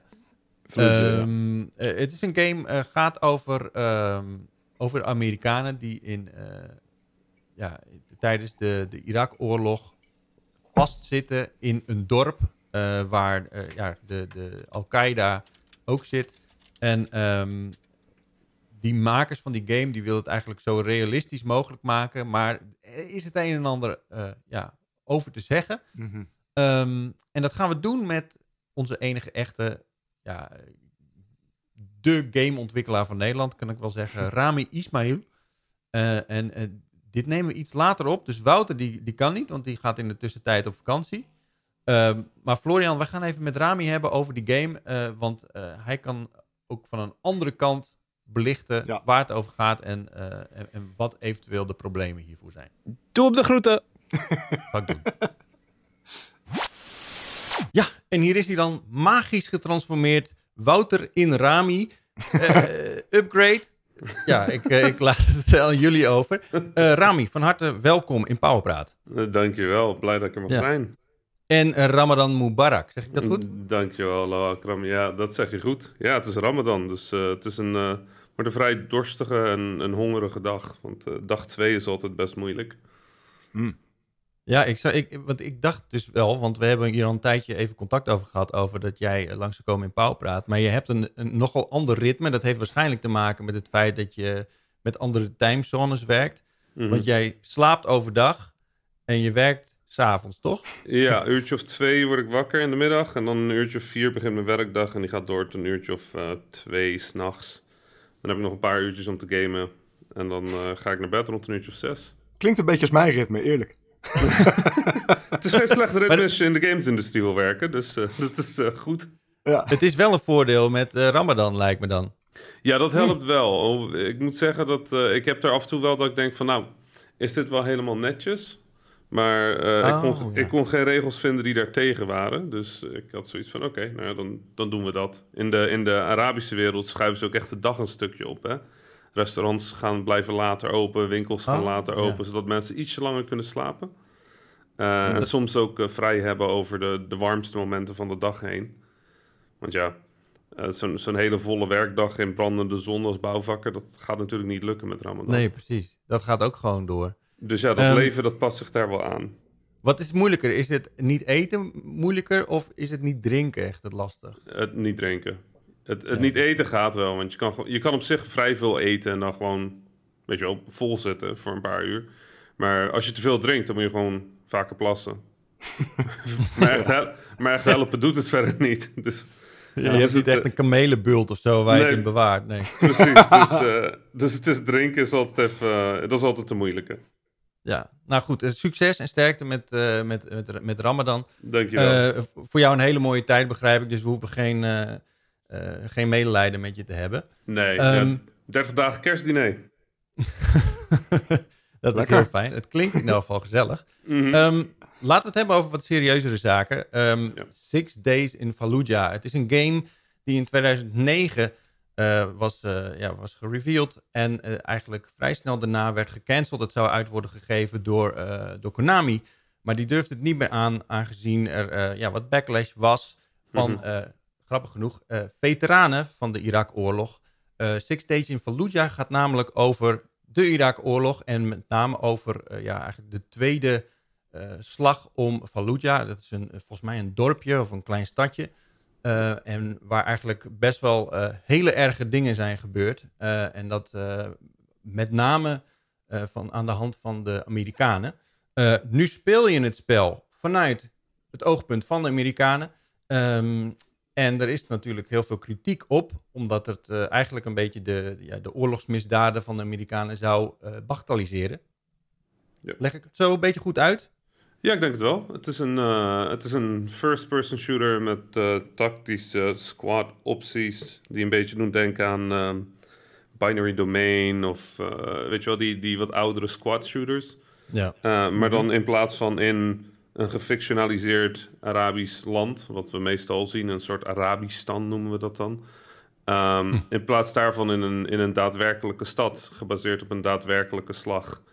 Um, met, uh, met daadwerkelijke slachtoffers. En, nou goed, de, de, de Second Siege of Fallujah, um, die, is nog geen, uh, die is nog geen twintig jaar oud. Um, Nee. Dus er zijn inderdaad vragen over of dat allemaal wel, of dat allemaal wel klopt, of dat allemaal wel juist is, of het ethisch verantwoord is dat um, een studio in het land dat de oorlog heeft gevoerd, die game maakt Ja. en daar geld aan gaat. Dus er zijn heel veel vragen die opeens naar boven kwamen. Want in principe is het idee natuurlijk prachtig. Het idee van een, een, een game maken die een stukje geschiedenis laat zien. ehm, op een manier die je uit een film of een boek niet zou kunnen krijgen. Dat is natuurlijk hartstikke mooi. Het idee dat we zouden kunnen ervaren hoe het is om een soldaat te zijn in een vreemde stad. eh, om een, om een eh, burger te zijn eh, thuis. Waar, en opeens zijn er overal soldaten. die een taal spreken die je misschien niet kunt. Om, een, om iemand te zijn die de stad verdedigt of aanvalt vanuit een extremistisch standpunt. Waarom zijn die mensen daar? Wat is er gebeurd? Waarom zijn dat extremisten? Ja. Ehm, al die standpunten zouden natuurlijk prachtig zijn in de game. Maar ja, dat is niet wat ze aan het maken zijn. En dat is eigenlijk waar nu de, waar nu de discussie over een beetje is opgeleid. In 2009 werd, werd Six Days origineel gemaakt. Door een, ehm, door een, man, door een studio genaamd Atomic Games, geloof ik. Ja. En die werd geleid door eh, Peter. En Six Days in Fallujah was origineel een soort van commercialisering van een, een team dat voornamelijk eh, veel contracten deed in militaire simulatie. Eh, die werkten ook voor de CIA en het Amerikaans leger. Ehm, maar die game werd toen gecanceld. Eh, Konami kon inderdaad de, dru- de druk niet aan en de game is gecanceld. En nu die game terug is als puur commercieel project, hebben veel mensen ook de vraag van... kan iemand die zoveel geld heeft gekregen van het leger, van de CIA in zijn geschiedenis... wel een oprechte game maken over zo'n onderwerp? ja. Ja, De, de vraag is natuurlijk, Rami, eh, ehm, moet dat? Zijn ze, eh, zijn ze dat verplicht? Ja dat is eigenlijk een beetje wat, wat, eh, waar het uiteindelijk op neerkomt. Kan je, zo, je, je kan natuurlijk niet zomaar vanuit een eh, privaat oogpunt zo'n game cancelen. Nee. Ehm, eh, maar ze, ze hebben wel de intentie om het ja, goed te, ja, te laten zien, eigenlijk, hè, die, die hele strijd. Ze zeggen dat, dat het voor die Amerikanen heel erg moeilijk was om, ja, om, om, in dat, dat stadje zich ja, wegwijs te kunnen maken. Hè. Elk, elk, eh, elk huisje is anders en, en daar draait die gameplay ook echt om. Ja. Eh, zij zeggen dat het geen politieke game was. Daar zijn ze later weer op teruggekomen. Ehm, maar dit, dat, dat is toch wel een beetje een moeilijk verhaal. Want Nou ja, kunnen, kunnen wij zo'n zo'n game gewoon cancelen? Is dat, is, dat, is dat iets waar je op uit bent? Nou ja, nee, een game cancelen... Kijk, het punt is, een game cancelen, dat kan gewoon niet als particulier. Dat kun je gewoon niet doen. Er, is geen manier om dat voor elkaar te krijgen. Het beste wat je kan doen om, om hier te kijken... De vraag die nu in de industrie leeft, is... Zijn we akkoord met het feit dat onze, onze, onze medium... en de platformen waarop wij werken... dat die gebruikt worden voor het distribueren van wat in principe propaganda is. Want ze Ja. zeggen inderdaad dat ze Mm. oprechte intentie hebben om de game te om de wereld te laten zien zoals het was. Maar ze liegen in de eerste vijf seconden van de trailer. Ze zeggen van, nou ja, goed, oké, dit was de strijd tegen Al-Qaeda. Al-Qaeda was niet in Fallujah in 2000, en, eh, wat was het, 2003, tijdens de siege. Er waren misschien enkele Al-Qaeda mensen, maar het was in principe een, een manhunt. Ze waren op jacht naar iemand. Ja. Ehm, dus ze liegen in de eerste paar seconden van de trailer al om het verhaal mooier te maken dan het was. Eh, Amerika was er niet om tegen Al-Qaeda te vechten. Amerika was daar omdat ze hadden gelogen over eh massavernietigingswapens die er niet waren. Ehm, De first siege of Fallujah ging mis toen, eh, gebeurde toen er een aantal Amerikaanse huurlingen, echt huurlingen, niet soldaten, maar huurlingen werden vermoord Dat waren er vier. Er is de hele stad verplatgelegd. Ehm toen is in de chaos daarvan zijn inderdaad wat extremistische groepen ontstaan en, en de stad ingetrokken. De second siege of Fallujah ging dus om het opjagen van één iemand. Maar ja, als je dan opent met, nou ja, het was Al-Qaeda, ja, dan klinkt dat een stuk mooier. Ja. Mm, ja. Ja, Maar is- dit- is dit- dat dit- inderdaad Ja, ik lach er wel. Wat zei je, Is-? Is dat inderdaad een van de, van de grootste dingen? Dat het een, aangezien het een beetje vanuit het oogpunt van de Amerikanen is, dat het misschien een beetje wordt geromantiseerd zelfs? Nou ja, het, het wordt ontzettend geromantiseerd. Want je moet je voorstellen, de, de, de veteranen... en ik heb in de afgelopen maanden ook met redelijk wat veteranen gepraat... die zeggen ook van, je, je kan je niet voorstellen hoe pijnlijk het is... om daar allerlei afgrijzelijke dingen te doen... en dan achteraf te horen dat het allemaal leugen was. Precies. Dat we gewoon voorgelogen zijn. Dat er helemaal geen wapens waren... en dat we daar naartoe zijn gegaan met... we gaan, we gaan mensen redden... en in plaats daarvan heb je alleen maar mensen gedood over een leugen. Ja. Ehm, maar daar gaat de game het niet over hebben. Daar wil de game het niet over hebben. De game wil het puur en alleen hebben. En, en dat is natuurlijk de makkelijkste manier om dit weg te zetten. Om gewoon te zeggen van oké, we gaan het alleen hebben over hoe moeilijk het wel niet was om in die stad te vechten. ja. En de vraag die dan voor mij overblijft, is je hebt in die trailer dat, dat hele spannende moment met die soldaten die richting de deur lopen en ze weten niet wat er aan de andere kant van de deur zit. Mhm. ja. En dat, is, dat, dat, dat lijkt me inderdaad een heel moeilijk moment. Dat als je die deur openmaakt, dat het enige moment dat je opgelucht kan voelen, is als je niet doodgeschoten bent. Ja, Ja. en, en sterker nog, in de trailer zie je ook dat je in één keer oog in oog staat van met, een, eh, ja, met een familie die daar Ja. nog is. En in, in het verhaal, hè, wat ze eromheen vertellen, is dat eh, de mensen die er zijn, de, de burgers, de onschuldige burgers, die zouden er eigenlijk niet moeten zijn, want eh, het was eh, helemaal Klopt. geïnvesteerd met, eh, ja, met, met terroristen eigenlijk. Ja, ja. Dat is Maar dus dat ook is dus weer- niet waar, zeg je ook. Dat is ook niet waar. Want uh, dit kun je ook opzoeken, zelfs op, op websites als Fox News, die normaal gesproken toch wel heel erg eh, voor de oorlog waren. Ehm, de, iedere man die ouder dan 16 was, mocht de stad niet uit. Als die probeerden te vluchten, dan werden ze terug de stad ingestuurd met het advies om zo ver mogelijk bij de ramen weg te blijven. In de trailer zeggen ze, ja, de Irakezen die waren koppig, die wilden niet weg. Heel veel Irakezen wilden weg, maar die werden gewoon teruggedraaid. Uiteindelijk zijn ook heel veel van de dodelijke slachtoffers gevallen niet door de mensen die van deur tot deur, deur gingen, maar gewoon door bombardementen. Die zaten Ja. thuis inderdaad weg bij het raam. Maar ja, het blijkt dat zo'n bom niet echt interesse heeft in of je wel of niet bij het raam zit. Eh, dan ben je gewoon dood. Eh, Ja. Dus de, Eigenlijk is het grote kritiekpunt eigenlijk dat, ehm, eh, dat, dat er nog steeds games zijn, en, en misschien zelfs nog wel meer dan ooit, die meer propaganda zijn dan dat het daadwerkelijk ehm, echt iets doet wat zin, wat zin heeft eigenlijk. Hè? This War of Mine, dat is natuurlijk eh, zo'n game die, die eigenlijk Prachtig. de andere kant van de oorlog belichten. En, ik- en Spec Ops The Line, die- die is inmiddels al wel heel lang geleden. Ja, die doet ook wat, wat anders hè, met het genre.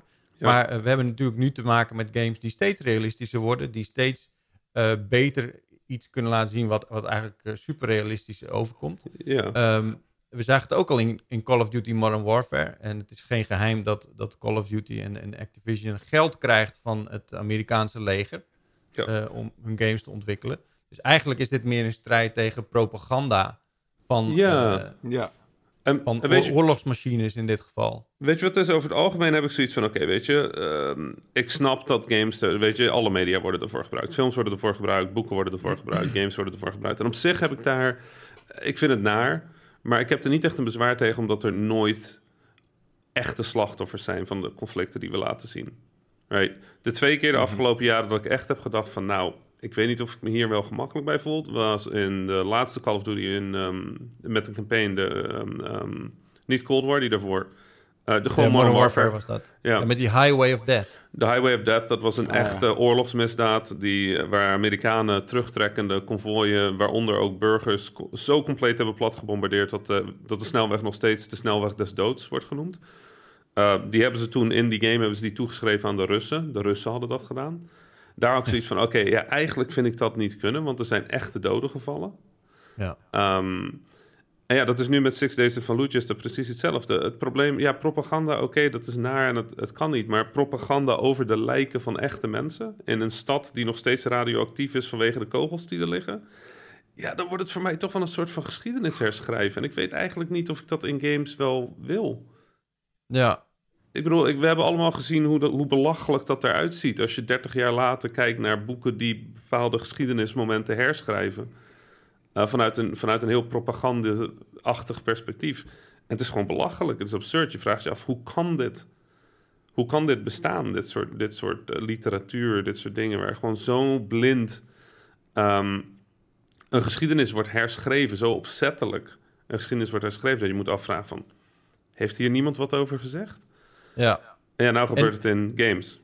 Ja, er is vrij snel na dat Six Days in Fallujah kwam er weer uh, nieuws over een, uh, een, een, Call of Duty game die zich in Vietnam zal afspelen. Dat, dat is eigenlijk ook een beetje hetzelfde laken en pak. Ja, absoluut. Um, dat was ook een oorlog die eigenlijk niet had moeten gebeuren. Ja. Um, met heel veel onschuldige slachtoffers. Toch ligt dat wat minder gevoelig, lijkt het. Nou ja, ik denk dat het grootste verschil is... Kijk, ik kan niet voor de Vietnamezen spreken. En de Vietnamezen nee. hebben geen ontzettend sterke uh, aanwezigheid in de gamesindustrie. Dus ik, ik denk dat zodra de Vietnamese developers misschien ietsje meer um, inspraak hebben in de industrie, dat daar ook gewoon een backlash over plaatsvindt. Want eigenlijk is het natuurlijk bizar dat we de dood van heel veel mensen met afgrijzelijke wapens, napalm, weet ik veel wat, dat we daarvan gewoon een soort van, nou ja, goed, weet je, Amerikaanse film is leuk. Uh, ja. Van hebben gemaakt. Eigen, eigenlijk is dat bizar. En ik denk dat het ook heel moeilijk voor te stellen is voor mensen die nooit, um, die nooit hebben, die nooit het gevoel hebben gehad van het is gevaarlijk in de wereld voor ons.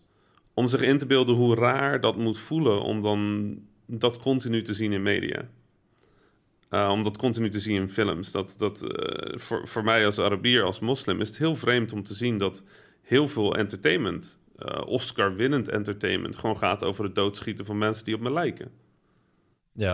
Dat is best ja, wel want bizar. dat is eigenlijk ook weer, dat is ook weer een achterliggende gedachte natuurlijk. Ik, ik zat er ook wel eens over na te denken dat uh, inmiddels is het, uh, is, is, het veel minder een, een, een, punt, zeg maar. Dat, uh, of, of, tenminste, het, het, gebeurt steeds minder vaak in games. Dat je, dat je echt tegen ja, mensen uit Arabistan moet, moet vechten ja. eigenlijk. Hè. moet, uh, maar ik kan me wel heel goed voorstellen dat als je niet die witte op een Amerikaan lijkende gast bent en je, je bent in die huid wel, uh, zeg maar, uh, mensen uit Arabistan aan het doodschieten, dat moet natuurlijk wel heel gek zijn voor iemand ja. die daar gewoon familie heeft wonen, zeg maar. Ja, ik zeg altijd, ja. weet je, het was voor mij best wel vreemd als je, als je opgroeit en je speelt, je speelt shooters en je lijkt altijd op je Nederlandse vrienden en je schiet altijd op je Arabische vrienden. Op een gegeven moment ga je denken van, hè? Maar waarom, waarom is dat dan? Waarom schiet ik altijd op, op mijn vrienden uit Egypte ja. uh, in die games?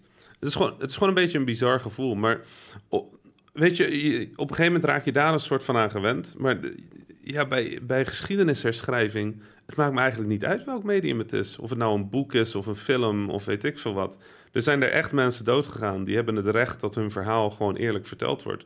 En dat verhaal ja. is dat jonge mannen het, het, de stad niet uit mochten. Dat mensen zijn begraven op het voetbalveld omdat er geen ruimte meer was. Dat de stad nog steeds radioactief is. Dat de Amerikanen illegale wapens gebruikt hebben. Um, een type napalm dat aan je huid blijft plakken. Dat je niet kan afspoelen. Um, dat is allemaal gebeurd. Er zijn geen vragen over. Dat is zelfs in het parlement van Engeland zijn die, zijn die wandaden nog besproken. Um, en om dan nu een game te zien die zegt van... nou ja, gaan we het allemaal niet over hebben...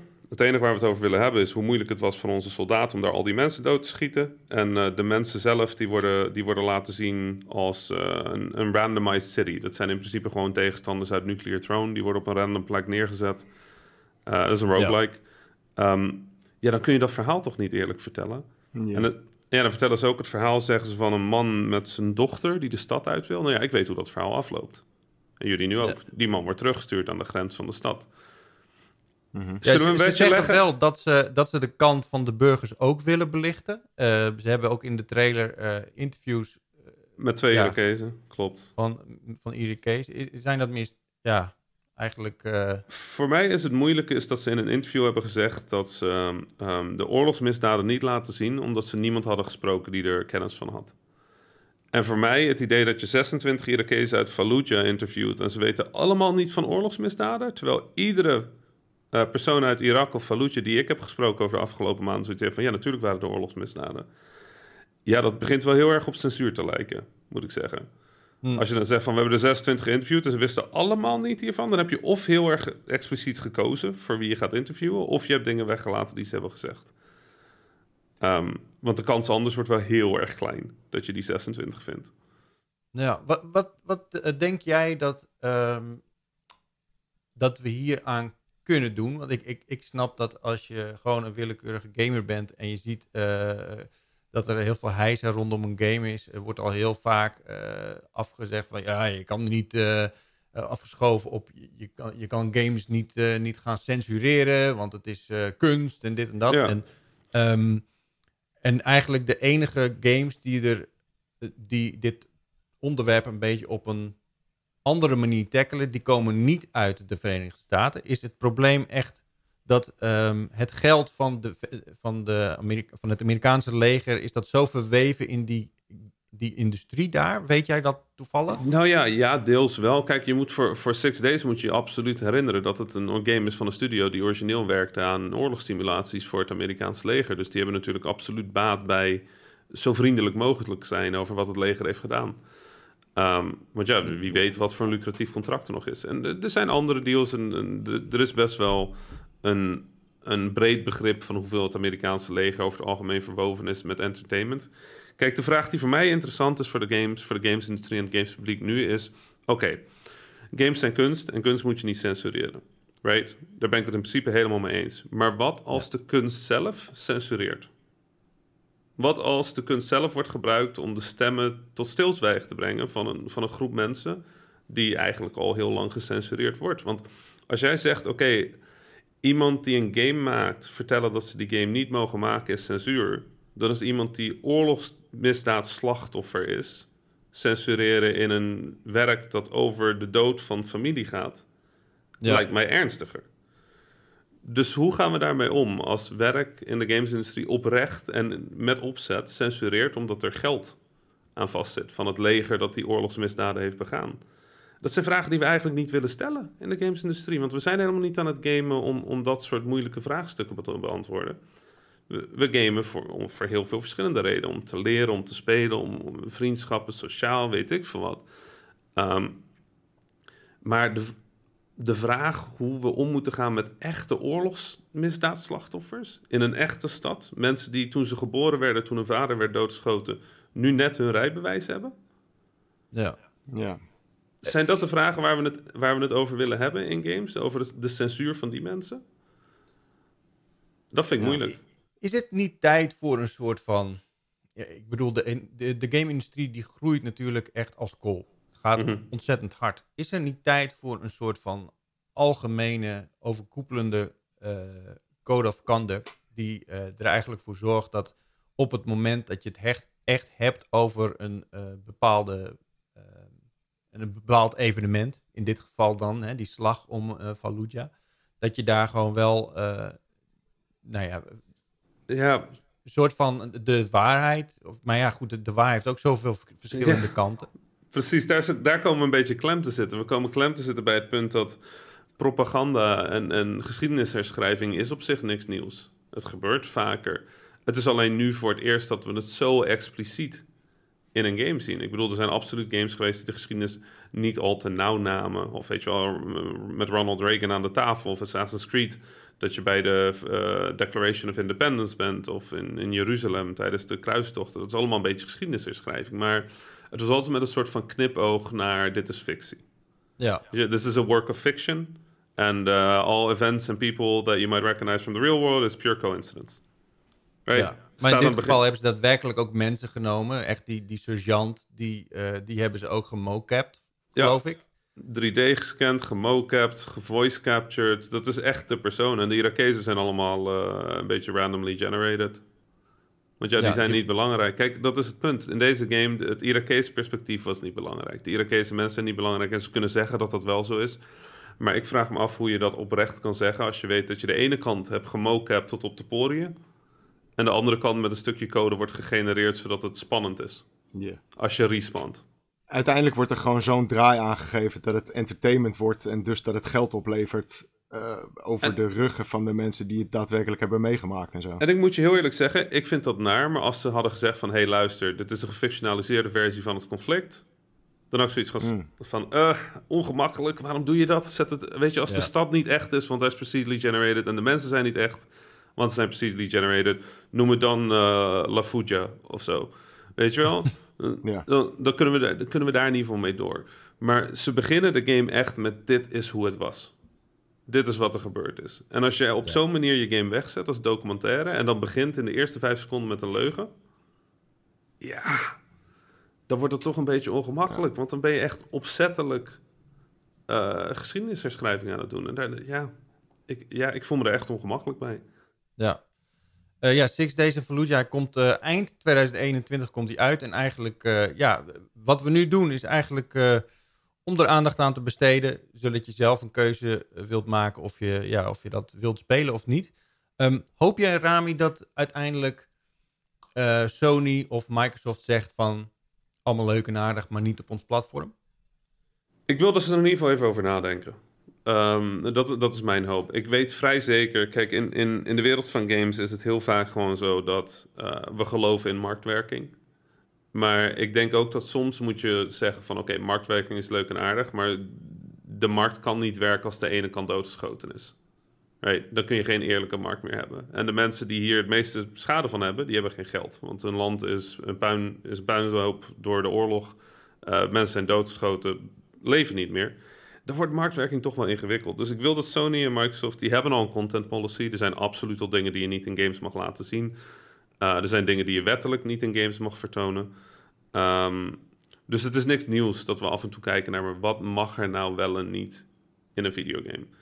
En ik denk dat nu we voor het eerst in de geschiedenis... bij dit niveau militair geld voor geschiedherschrijving... onder het mom van een documentaire zijn gekomen.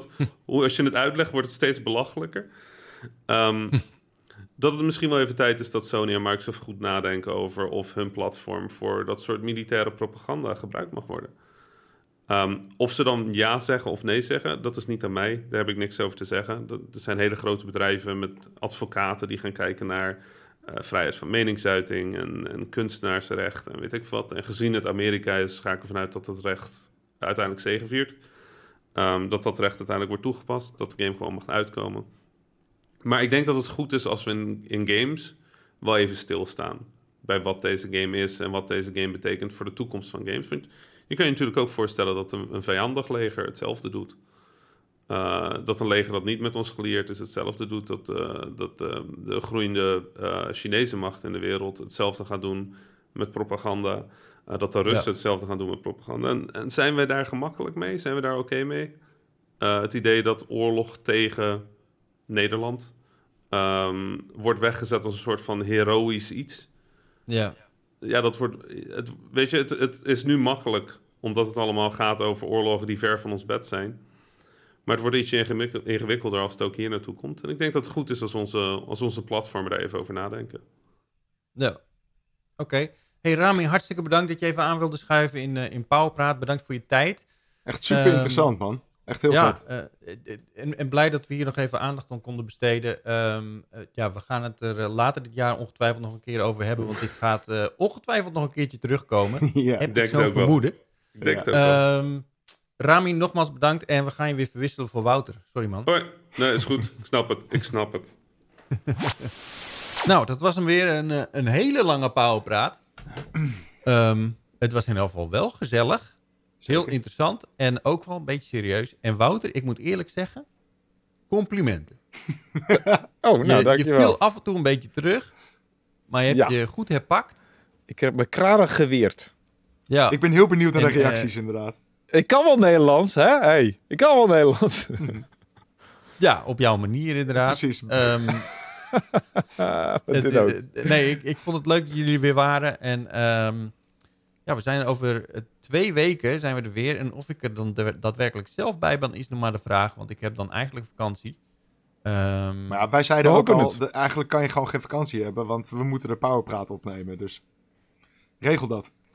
Er zijn, er zijn belangrijkere dingen dan vakantie. Ik Precies. wil Powerpraat is gewoon belangrijk, man. Dus eh, neem maar je laptop mee of zo, weet ik veel. prior ja, prioritiseer. Precies. ja, Dus tot over Eh, twee weken met, het gaat met mij, presenteren dan. Wouter en Cheert. Ja, ja. tot over twee weken. Eh, als, ja, als, als een van jullie het gaat voorbereiden, dan ben ik wel in. Eh, welke voorbereiding, man? Jij vraagt elke week aan ons wat erin moet. Ja, en elke week, wat krijg ik van jullie terug? Ant- antwoord. nee, ik heb, uh, ik heb It Takes Two gespeeld. Ja. Nou, daar hebben we toch over wel wat. Nee, nee, niet echt. Dat is wel wat. nee, ik bedoel, het, het, het zorgt toch elke keer weer voor... eh, ik heb het idee, een leuke powerpraat. Mhm. Of wat was het ook weer? Powerpraat. Nou, doe dan maar die eerste. Nou, oké. Ja, ik weet het niet. Ik ben, ik ben voor beide nog niet overtuigd. Nou, je kan In elk geval, eh, ja, bedankt voor het kijken, bedankt voor het luisteren en eh, bedankt voor het reageren onder deze video of podcast. Eh, doe het dus absoluut even. Dan misschien ben jij wel de volgende week de comment van de week. Trouwens, we hebben niet echt eh, het liedje laten horen van comment van de week eh, eh, en daadwerkelijk de uitreiking gehad. Maar Schanolleke, jij was toch wel de comment van de week. Het ging over die, eh, die Engelse taal van Wouter, hè? Hm. Die er maar niet uit te slaan is. Maar we hebben een goede poging gedaan vandaag. Ik hoop niet ja, dat dit... over twee weken dan zijn wij in ieder geval weer met een volgende po- powerpraat. Of ik er dan ben of niet, dat valt nog even de, Jawel. ja, de vraag. te Jawel. stellen. Maar Ja. Ja. Eh, in ieder geval Wouter en Florian zijn erbij. Tot de volgende keer.